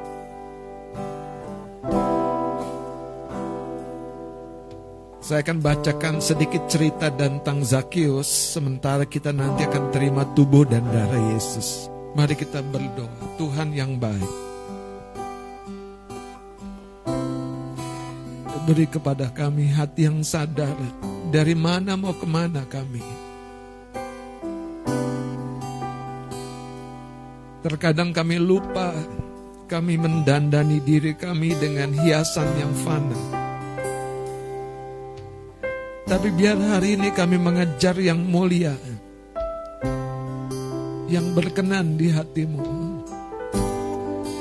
Jangan kami masuk dalam berbagai-bagai kesusahan di jiwa kami sampai kami tidak mampu memahami kehendakmu. Hambamu berdoa biar tubuh dan dari Yesus menjadi kekuatan bagi setiap umatmu untuk datang merendah di kakimu memohon kemurahan dan kasih karuniamu. Sehingga kami mampu jalan hidup, bekerja, mengelola waktu, melayani dalam penyangkalan manusia daging kami ini. Engkau memberkati pada pelayanmu, tubuh dan darah di atas nampan ini terlalu mulia Tuhan. Beri takut dan gentarkan hadiratmu di batin kami. Ketika kami menerimanya, biarlah kami memohon ampun. Biarlah kami datang dengan rendah. Di dalam nama Yesus, di dalam nama Yesus, di dalam nama Yesus. Bapak Ibu Saudara, satu dua menit lebih dalam lagi mohon ampun. Mohon hati yang baru minta darah Yesus yang membasuh. Sikadala batara Yarato maseketeri atarasa Kiara la batara sakana batara sakariara la batara sakana batara Tolong kami Tuhan Biarlah kami tidak bermegah atas apa pun. Tapi kami bermegah karena Engkau Tuhan yang mampu menolong kami, mengangkat kami, mengubahkan. Di dalam nama Tuhan Yesus. Amin. Silakan bagikan. Bapak Ibu Saudara, sambil kita terima tubuh dan darah Yesus, Bolehkah saya ajak baca sedikit dari Lukas pasal yang ke-19. Cerita tentang Zakheus. Zakius itu menarik sekali saudara. Menarik sekali. Karakter yang seperti ini yang membuat Yesus mau menumpang di rumahnya dengan inisiatif Yesus sendiri, bukan diminta-minta oleh Zakius. Zakius bukan pendoa, Zakius pemungut cukai. Zakius bukan WL, bukan pengkhotbah. Zakius pemungut cukai. Zakius bukan asyir, bukan. Zakius bukan kolektan, bukan. Bukan pemusik. Zakius itu pemungut cukai. Tapi Yesus berkata, Zakius turun. Aku harus menumpang di rumahmu. Zakius itu orang yang terbuka. Zakius itu orang yang mau diekspos tadi kata firman. Mari kita lihat saudara. Ayat yang kelima mulai. Ketika Yesus sampai ke tempat itu yaitu pohon di mana Zakius naik. Ia atau Yesus melihat ke atas dan berkata, Zakius, segeralah turun. Sebab hari ini aku harus menumpang di rumahmu. Lalu Zakius segera turun dan menerima Yesus dengan sukacita. Ayat tujuhnya saudara, tetapi semua orang yang melihat hal itu bersungut-sungut katanya. Ia atau Yesus yang dikatakan rabi atau guru atau dikatakan orang suci menumpang di rumah orang berdosa. Ayat delapannya saudara coba lihat. Tetapi Zakius berdiri dan berkata kepada dan berkata kepada dan berkata kepada apakah Zakius merespon orang-orang yang tidak suka dengan Yesus? Tidak. Apakah Zakius lihat orang-orang Farisi tunggu, aku tunjukkan keimananku? Enggak. Zakius private ngomong sama Tuhan, Tuhan, setengah dari milikku akan kuberikan kepada orang miskin.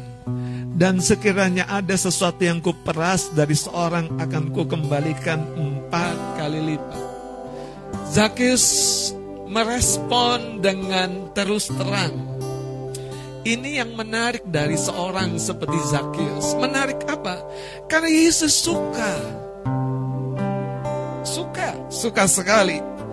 Saudara, berapa hari yang lalu ada seorang berbalas WA dengan saya dan berkata begini.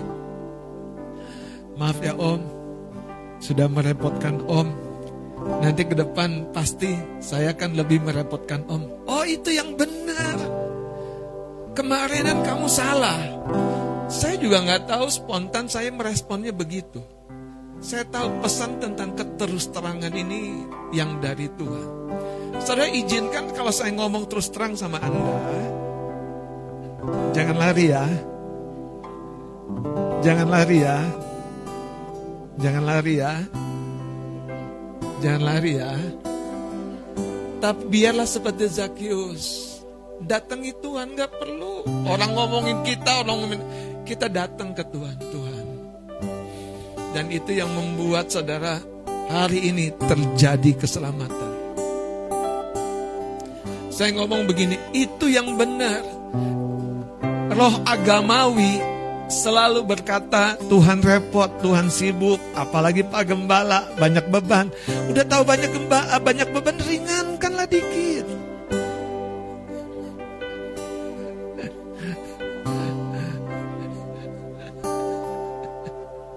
Haleluya. Oke, saya mau lanjutkan lihat saudara. Ini menarik, penting Anda perhatikan ayat 9 dan 10. Karena banyak orang pengen ngalami Tuhan kan? Pengen ngalami Tuhan hadir menolong, bekerja. Ternyata sederhana, yaitu apa? Keterus-terangan. Saya lanjutkan ayat 9-nya. Kata Yesus kepadanya, kepada siapa orang banyak? No, no, no, no. Kepada siapa? Zakeu. Benar gak sih?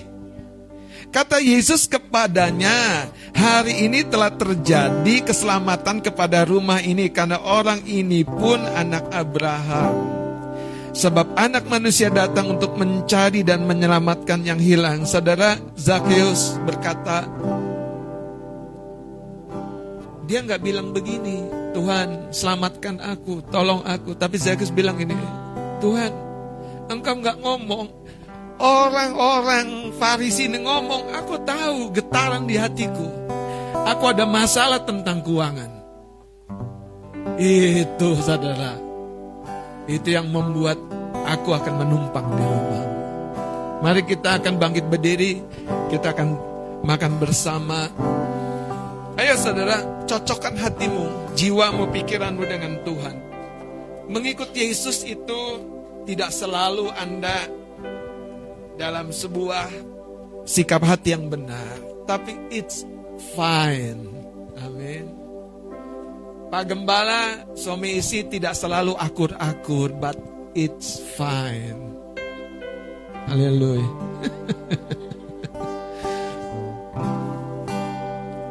Jadi kalau kalau kita punya masalah, saudara, itu proses mengikut Tuhan. Anda jatuh, it's fine. Haleluya.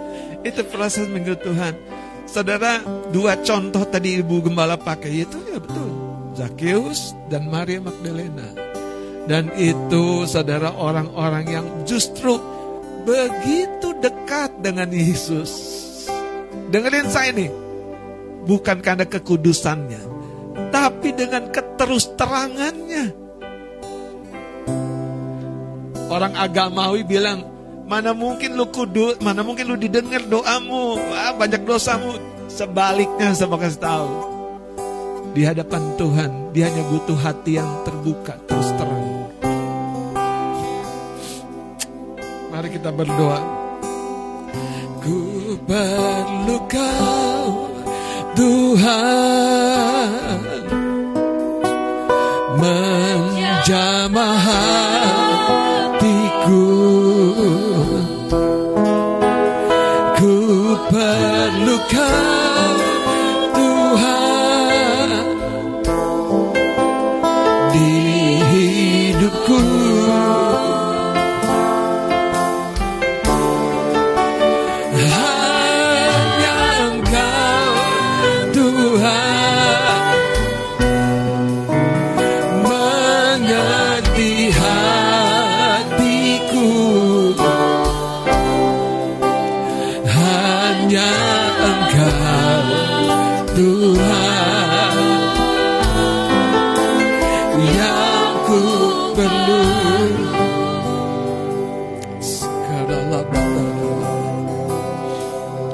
Dengarkan perkataan saya dalam aba-aba bersama-sama nanti kita akan makan bersama. Pada malam terakhir waktu Yesus diserahkan, dia duduk bersama-sama dengan murid-muridnya mengambil roti, pegang roti di tangan kanan angkat tinggi. Lalu memecahkannya Inilah penyangkalan diri kami Tuhan. Biarlah keinginan daging kami takluk. Sebagaimana engkau telah takluk Dalam tubuh jasmanimu itu di Getsemani Kehendakmu yang jadi Kehendakmu yang jadi dalam hidup Lalu berkata, inilah tubuhku yang dipecahkan bagi kamu. Perbuatlah setiap kali kamu memakannya menjadi peringatan akan aku. Bapak terima kasih tubuhmu menanggung dosa dan pelanggaran kami. Memikul sakit penyakit kutuk dalam hidup kami. Ampuni Tuhan persembunyian-persembunyian hidup kami. Beri kami sifat seperti Zakheus dan Maria Magdalena. Kejujuran yang spontan, yang membawa kesembuhan dan pemulihan dan kelepasan.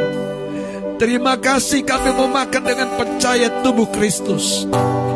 Di dalam nama Yesus Kristus, mari kita makan bersama-sama.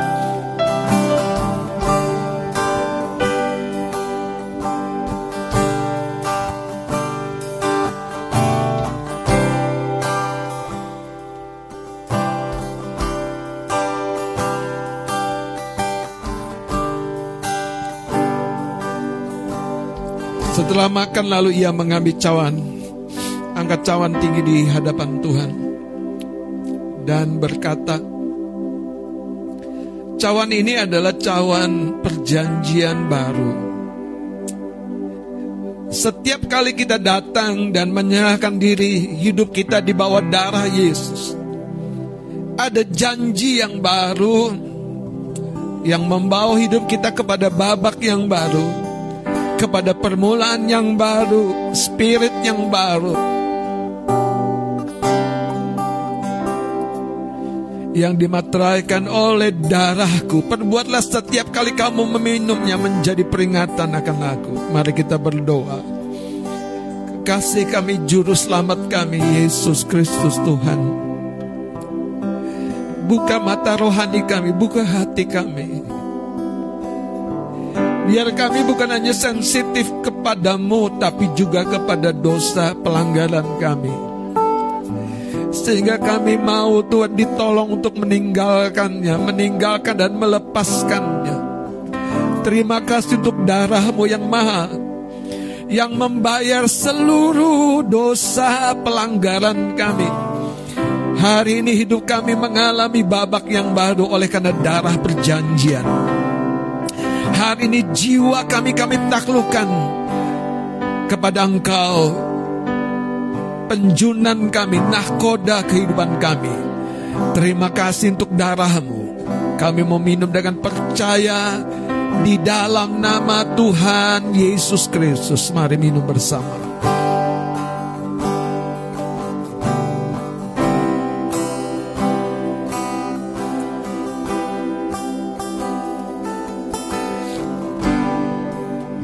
Saudara, dalam keteduhan suasana di ruang ibadah ini. Yesus belum berkhotbah kepada orang-orang yang makan bersama dengannya di rumah Zakius. Karena bukan hanya Zakius sendiri, tapi banyak pemucuk yang lain. Yesus belum menemplak kepada orang-orang yang mengkritik dirinya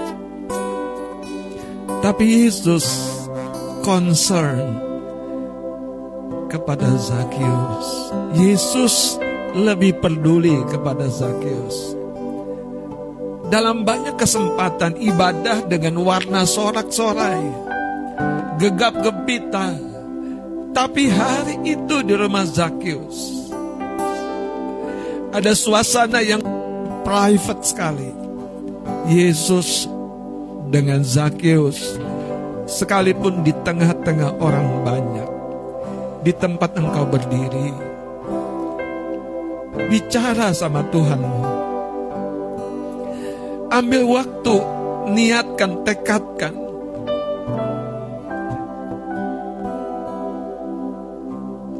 Zakeus spontan berkata Tuhan Tuhan Tuhan. Tuhan, Lord, Tuhan, aku hambamu. Beri aku kerendahan hati untuk tidak bongah dengan kebisaan, kemampuan, kehebatan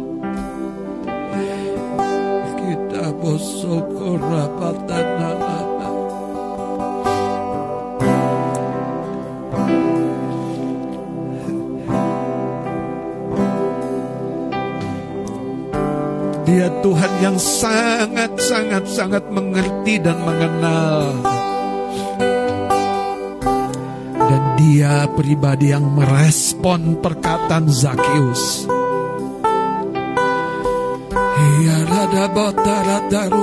Shakanala matarana.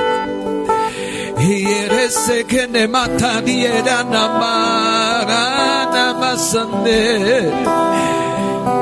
Ayo terus menyembah dengan rendah hati. Menyembah dengan hati yang remuk dan hancur dan menyesal menyesali apa yang salah dalam perjalanan hidupmu. Namu torobo sikata. Hianatano sukurobo sandala matalala.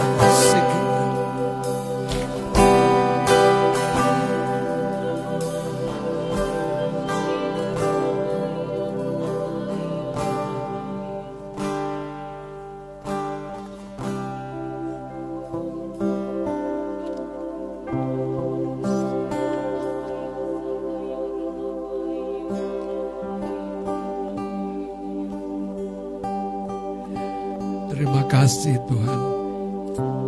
Aku berdoa beri kepada kami hati murid yang ketika mendengar firman kami mau ditegur mau berubah. Tidak tunggu sebuah keadaan dan kejadian dan hal-hal yang tidak sebetulnya engkau rencanakan terjadi Mari angkat hatimu, katakan ku perlu engkau Tuhan sekali lagi. Ku perlu kau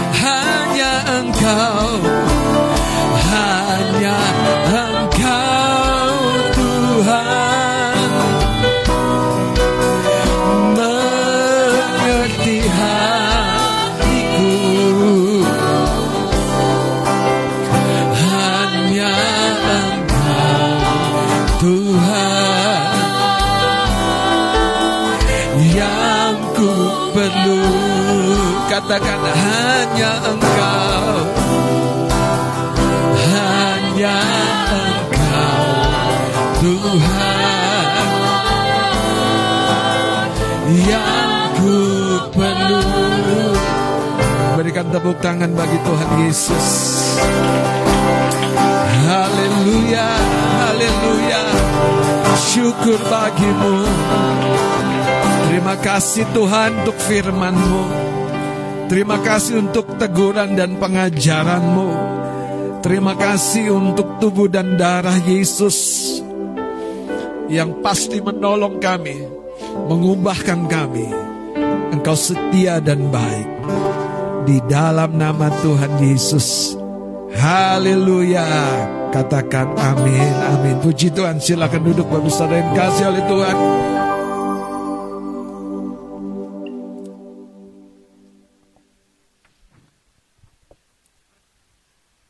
Tuhan Yesus memberkati. Puji Tuhan, bersyukur untuk kebenaran firman pada ibadah kita hari ini yang tentunya menerangi, berbicara kepada hidup dan hati kita masing-masing. Selanjutnya saya akan bacakan pengumuman hari ini, eh, hari Minggu 7 Mei. Yang pertama, akan diadakan persekutuan doa yud yaitu hari Minggu tanggal 14 Mei di sini di gereja jam 1 siang. Dan selanjutnya seusai ibadah akan diadakan training musik gitar bagi pelayan musik eh, khususnya di gitar dapat mempersiapkan diri, persiapan waktu dan gitarnya tentu nanti seusai ibadah di tempat ini. Jika ada tambahan pengumuman dari Bapak Gembala, saya persilahkan. Dan kita akan juga mendengarkan pengarahan tentang perpuluhan yang kita bawa hari ini. Bapak Ibu sekalian, eh, yang pertama eh, di dari bulan Mei ini ke depan, gereja kita akan mengadakan satu ibadah tengah minggu. Nah, ibadah tengah minggu ini perlu sekali, saudara. Kalau pada tahun-tahun yang lalu kita lakukan tiap minggu, tahun-tahun yang lalu, ya.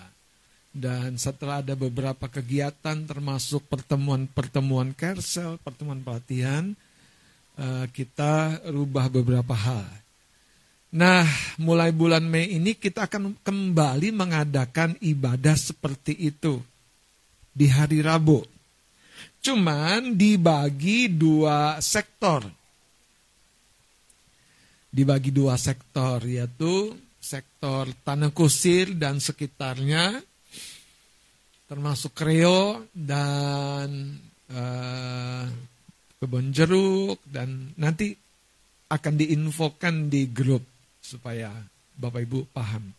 Dan sektor yang kedua, eh, Pondok Cabe, Pamulang, Ciputat, Rempoa, dan sekitarnya. Tujuannya adalah untuk kita bisa eh, dalam tengah minggu itu punya kesempatan hadir di dalam ibadah. Bahkan didoakan pergumulan Bapak Ibu Saudara dan di sana kita mengalami fellowship dengan Tuhan. Nah, kenapa dibuat dua sektor? Karena begini saudara, minggu yang aktif itu biasanya ada hari Sabtu kita pakai untuk pasutri. Itu mungkin di minggu kedua kali atau minggu keberapa nanti sesuaikan. Dan minggu ketiga itu biasanya hari Jumatnya dipakai untuk doa malam. Jadi di antara itu, nah inilah ibadah tengah minggu per sektor. Mungkin jemaat bertanya, Pak Pendeta boleh nggak aku datang di sektor yang bukan sektor tempat aku tinggal? Sangat boleh. Sangat boleh. Tetapi tetapi tujuannya terutama untuk uh, jemaat yang ada di area itu. Yang pertama-tama dikhususkan supaya kita bisa menyesuaikan waktu kita. Ini bukan kewajiban, tapi kesempatan kita bisa mengalami hadirat Tuhan, mengalami fellowship, dibangun dan diteguhkan dan kita mengalami sesuatu yang lebih dalam lagi bersama dengan Tuhan. Nah, ibadahnya di mana? Akan disesuaikan dengan uh, kapasitasnya tentu. Ya. Karena corak ibadah kita ada penyembahan, ada puji-pujian. Nah, itu yang kita nanti harus sesuaikan. Untuk pertama kali kita ada akan adakan di sektor Tanah Kusi dan sekitarnya. Sekali lagi Bapak Ibu yang Pondok Cabe Pamulang, boleh datang nggak? Sangat boleh. Om seneng nggak? Oh seneng banget. Ya, datang. Tetapi nanti yang menjadi tuan rumah adalah teman-teman yang ada di sekitaran tanah kusir. Haleluya, amin. Ya, uh, ada ayatnya dalam kitab Ibrani berkata, biarlah kita semakin giat melakukannya apa? Melakukan pertemuan ibadah menjelang hari kedatangan Kristus. Jadi kenapa saya bilang begini? Jadi di waktu yang lain Anda bisa sesuaikan pertemuan kersel, pertemuan pasutri, doa malam dan lain-lainnya. Jadi dua kali sebulan ibadah ini. Dan kita namakan mesbah keluarga. Mesbah keluarga. Amin. Dan saya berdoa saudara kita akan punya satu gairah dan semangat juga dalam membawa dan mengajak jiwa-jiwa baru di dalam pertemuan ibadah ini. Amin. Ya. Nah, itu yang penting yang pertama tentang pengumuman dan uh, ibadah mesbah keluarga. Bagian lain yang kita perlu perhatikan sebelum kita membawa korban kita, persembahan kita,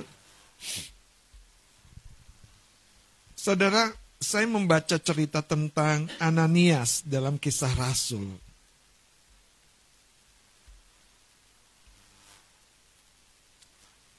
Uh,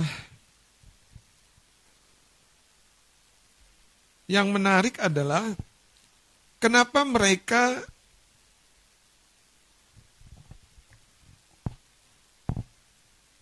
meninggal, mati ketika membawa persembahan Alkitab mencatat hatinya dikuasai iblis kisah Rasul pasal yang kelima.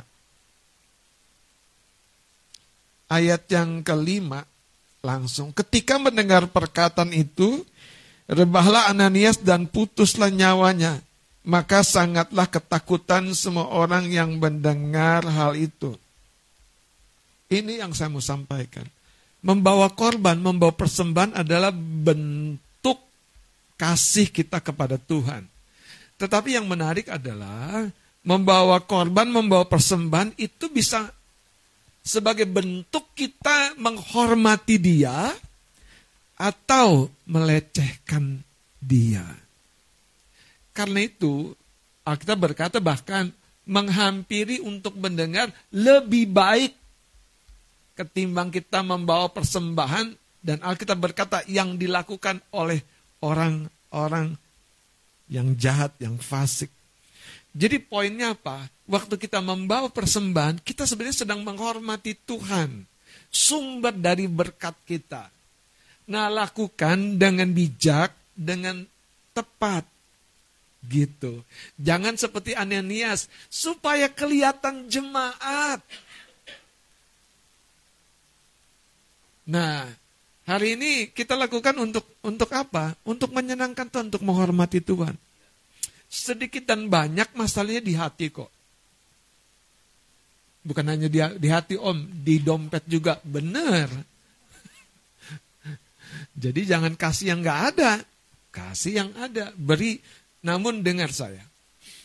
Kenapa Ananias dan Safira itu meninggal. Karena dengan berkompromi, berkomplot, dengan berdusta, mereka menganggap Tuhan itu bukan pribadi yang layak dihormati dan mengenal hati setiap manusia.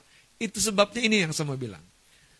Waktu kita mempersembahkan dengan tulus ikhlas berapapun yang kita bawa, kita sedang menghormati dia yang akan membalasnya. Amin. Terlebih lagi membawa bagian Tuhan yaitu persepuluhan. Kita harus lakukan dengan benar, dengan bijak. Ada orang melakukannya dalam sebulan karena berkatnya datang tidak di akhir bulan. Seminggu bisa kirim dua kali, tiga kali. Itu bagus. Mau kecil, mau besar bukan masalahnya saudara. Tapi ketaatan itu yang selalu mendatangkan berkat. Amin. Mari kita bangkit berdiri. Saya akan ajak doa, siapkan korban persembahan yang kita membawa dan hadapkan kepada Tuhan. Mari petugas persembahan siapkan segala sesuatunya supaya kita bisa melayani dengan baik.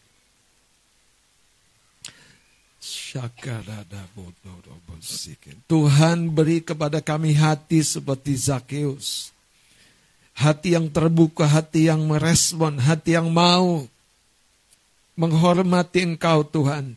Ketika kami membawa korban persembahan, yang pertama-tama bukankah kau melihat hati kami? Ajari kami melakukannya karena cinta, karena kasih. Ajari kami melakukannya dengan kesadaran takut akan Tuhan. Bukan karena dilihat manusia. Tuhan beri kepada kami hati yang bijak ini. Supaya olehnya tidak pernah yang menabur tidak menuai tidak pernah yang berkorban tidak akan menerima balasan daripadamu. Kami hadapkan persembahan kami. Kami hadapkan korban yang kami bawa.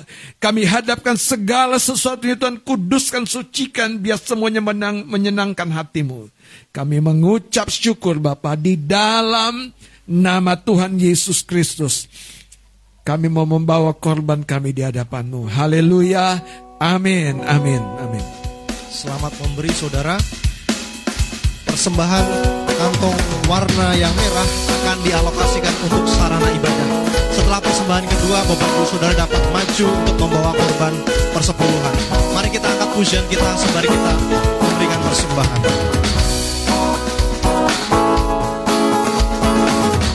Semua yang kubanggakan, semua kekayaan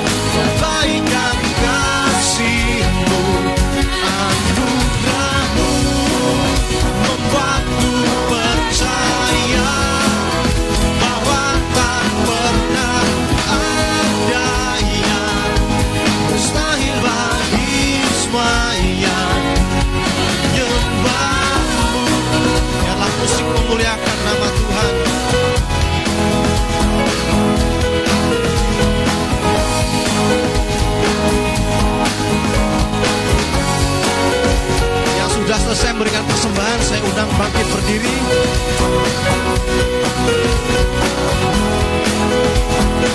Kita mau lanjut nyanyikan pujian kita dan kita akan berdoa mengakhiri ibadah kita pada siang hari ini. Kita mau katakan dan dunia pun mencari jawaban tanpa tahu kebenaran bahwa kaulah raja yang das memberi kehidupan. Karena semua yang ku capai semua yang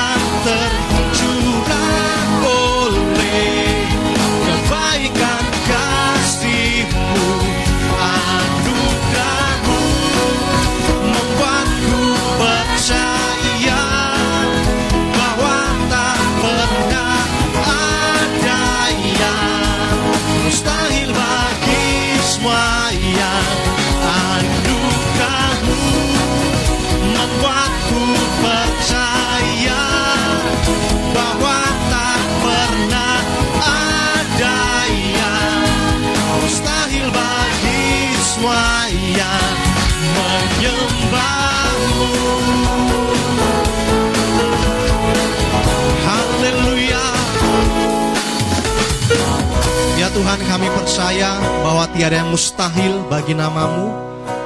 Kau akan wujudkan nyatakan dalam kehidupan kami. Segala yang kau rancangkan bagi kehidupan kami Pribadi lepas pribadi. Kami bersyukur buat ibadah kami siang hari ini.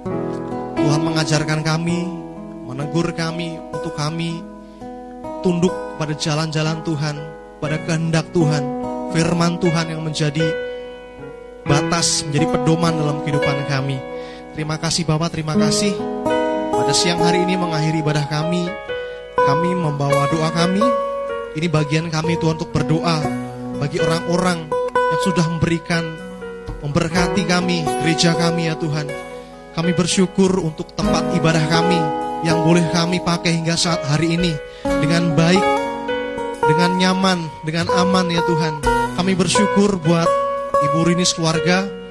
Kiranya Tuhan memberkati Ibu Rinis keluarga dengan berkat Tuhan yang melimpah Kesetiaan Tuhan Berkat Tuhan terus nyata Terus Tuhan nyatakan dalam kehidupan Ibu Rinis keluarga.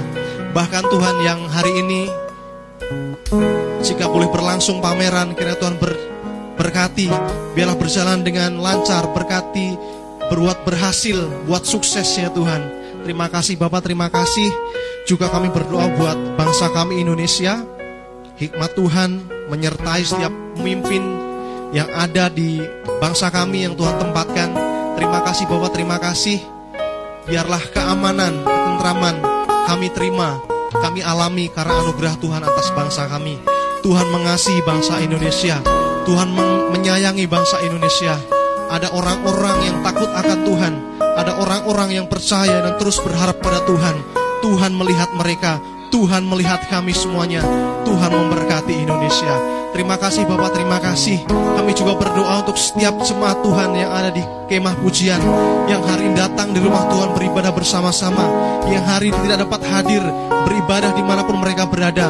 Tuhan kami bersatu hati, kami ikuti setiap tuntunan Tuhan yang Tuhan sampaikan lewat firman-Mu, lewat Bapak Ibu Gembala kami yang Tuhan tempatkan untuk setiap hidup kami Bapak. Terima kasih Bapak, terima kasih. Berkat Tuhan yang terbaik mengalir, kesetiaan Tuhan terus dialami oleh Bapak Ibu Gembala kami. Terima kasih Bapak, terima kasih. Bapak Ibu Gembala kami memiliki hati, hati yang terus mengasihi Tuhan, mengasihi kami. Terus Tuhan sabar terhadap kami, setiap murid-murid, setiap jemaat Tuhan yang ada di bawah naungan Bapak Ibu Gembala kami. Terima kasih Bapak, terima kasih. Kami bersyukur dan kami akan mengakhiri ibadah kami. Kami akan terima berkat Tuhan melalui Bapak Ibu Bapak Gembala kami. Terima kasih Bapak, terima kasih. Dengan tangan yang terangkat mari kita percayai segala firman-Nya. Biarlah firman itu menggantikan keinginan-keinginan manusia duniawi kita. Karena engkau berasal dari surga. Kiranya Tuhan menghadapkan wajahnya kepadamu di dalam jalan-jalanmu. Dia memberi terang ketika dalam kegelapan sehingga engkau tidak takut engkau akan melewatinya dalam naungan dan penyertanya. Kasih karunia dari Allah dan Bapa di dalam surga yang menggendong dan memelukmu aman. Cinta kasih dari Tuhan Yesus Kristus. Korban penebus segala dosa pelanggaran kita yang karena kasihnya dia menyelamatkan engkau dan saya dan oleh persekutuan Roh Kudus hikmat dan kuat kuasanya menyertai sekalian kita berlimpah-limpah. Dan menjadikan kita semakin dekat dengan Dia, semakin intim dengan Dia, semakin meninggalkan jalan-jalan kita sendiri. Dan mengambil jalannya menjadi jalan kita. Sampai kedatangannya kali yang kedua sampai selama-lamanya. Di dalam nama Yesus Kristus. Dan semua kita yang diberkati dan percaya katakan sama-sama amin amin amin. Tuhan memberkati. Selamat hari Minggu saudara. Tuhan Yesus memberkati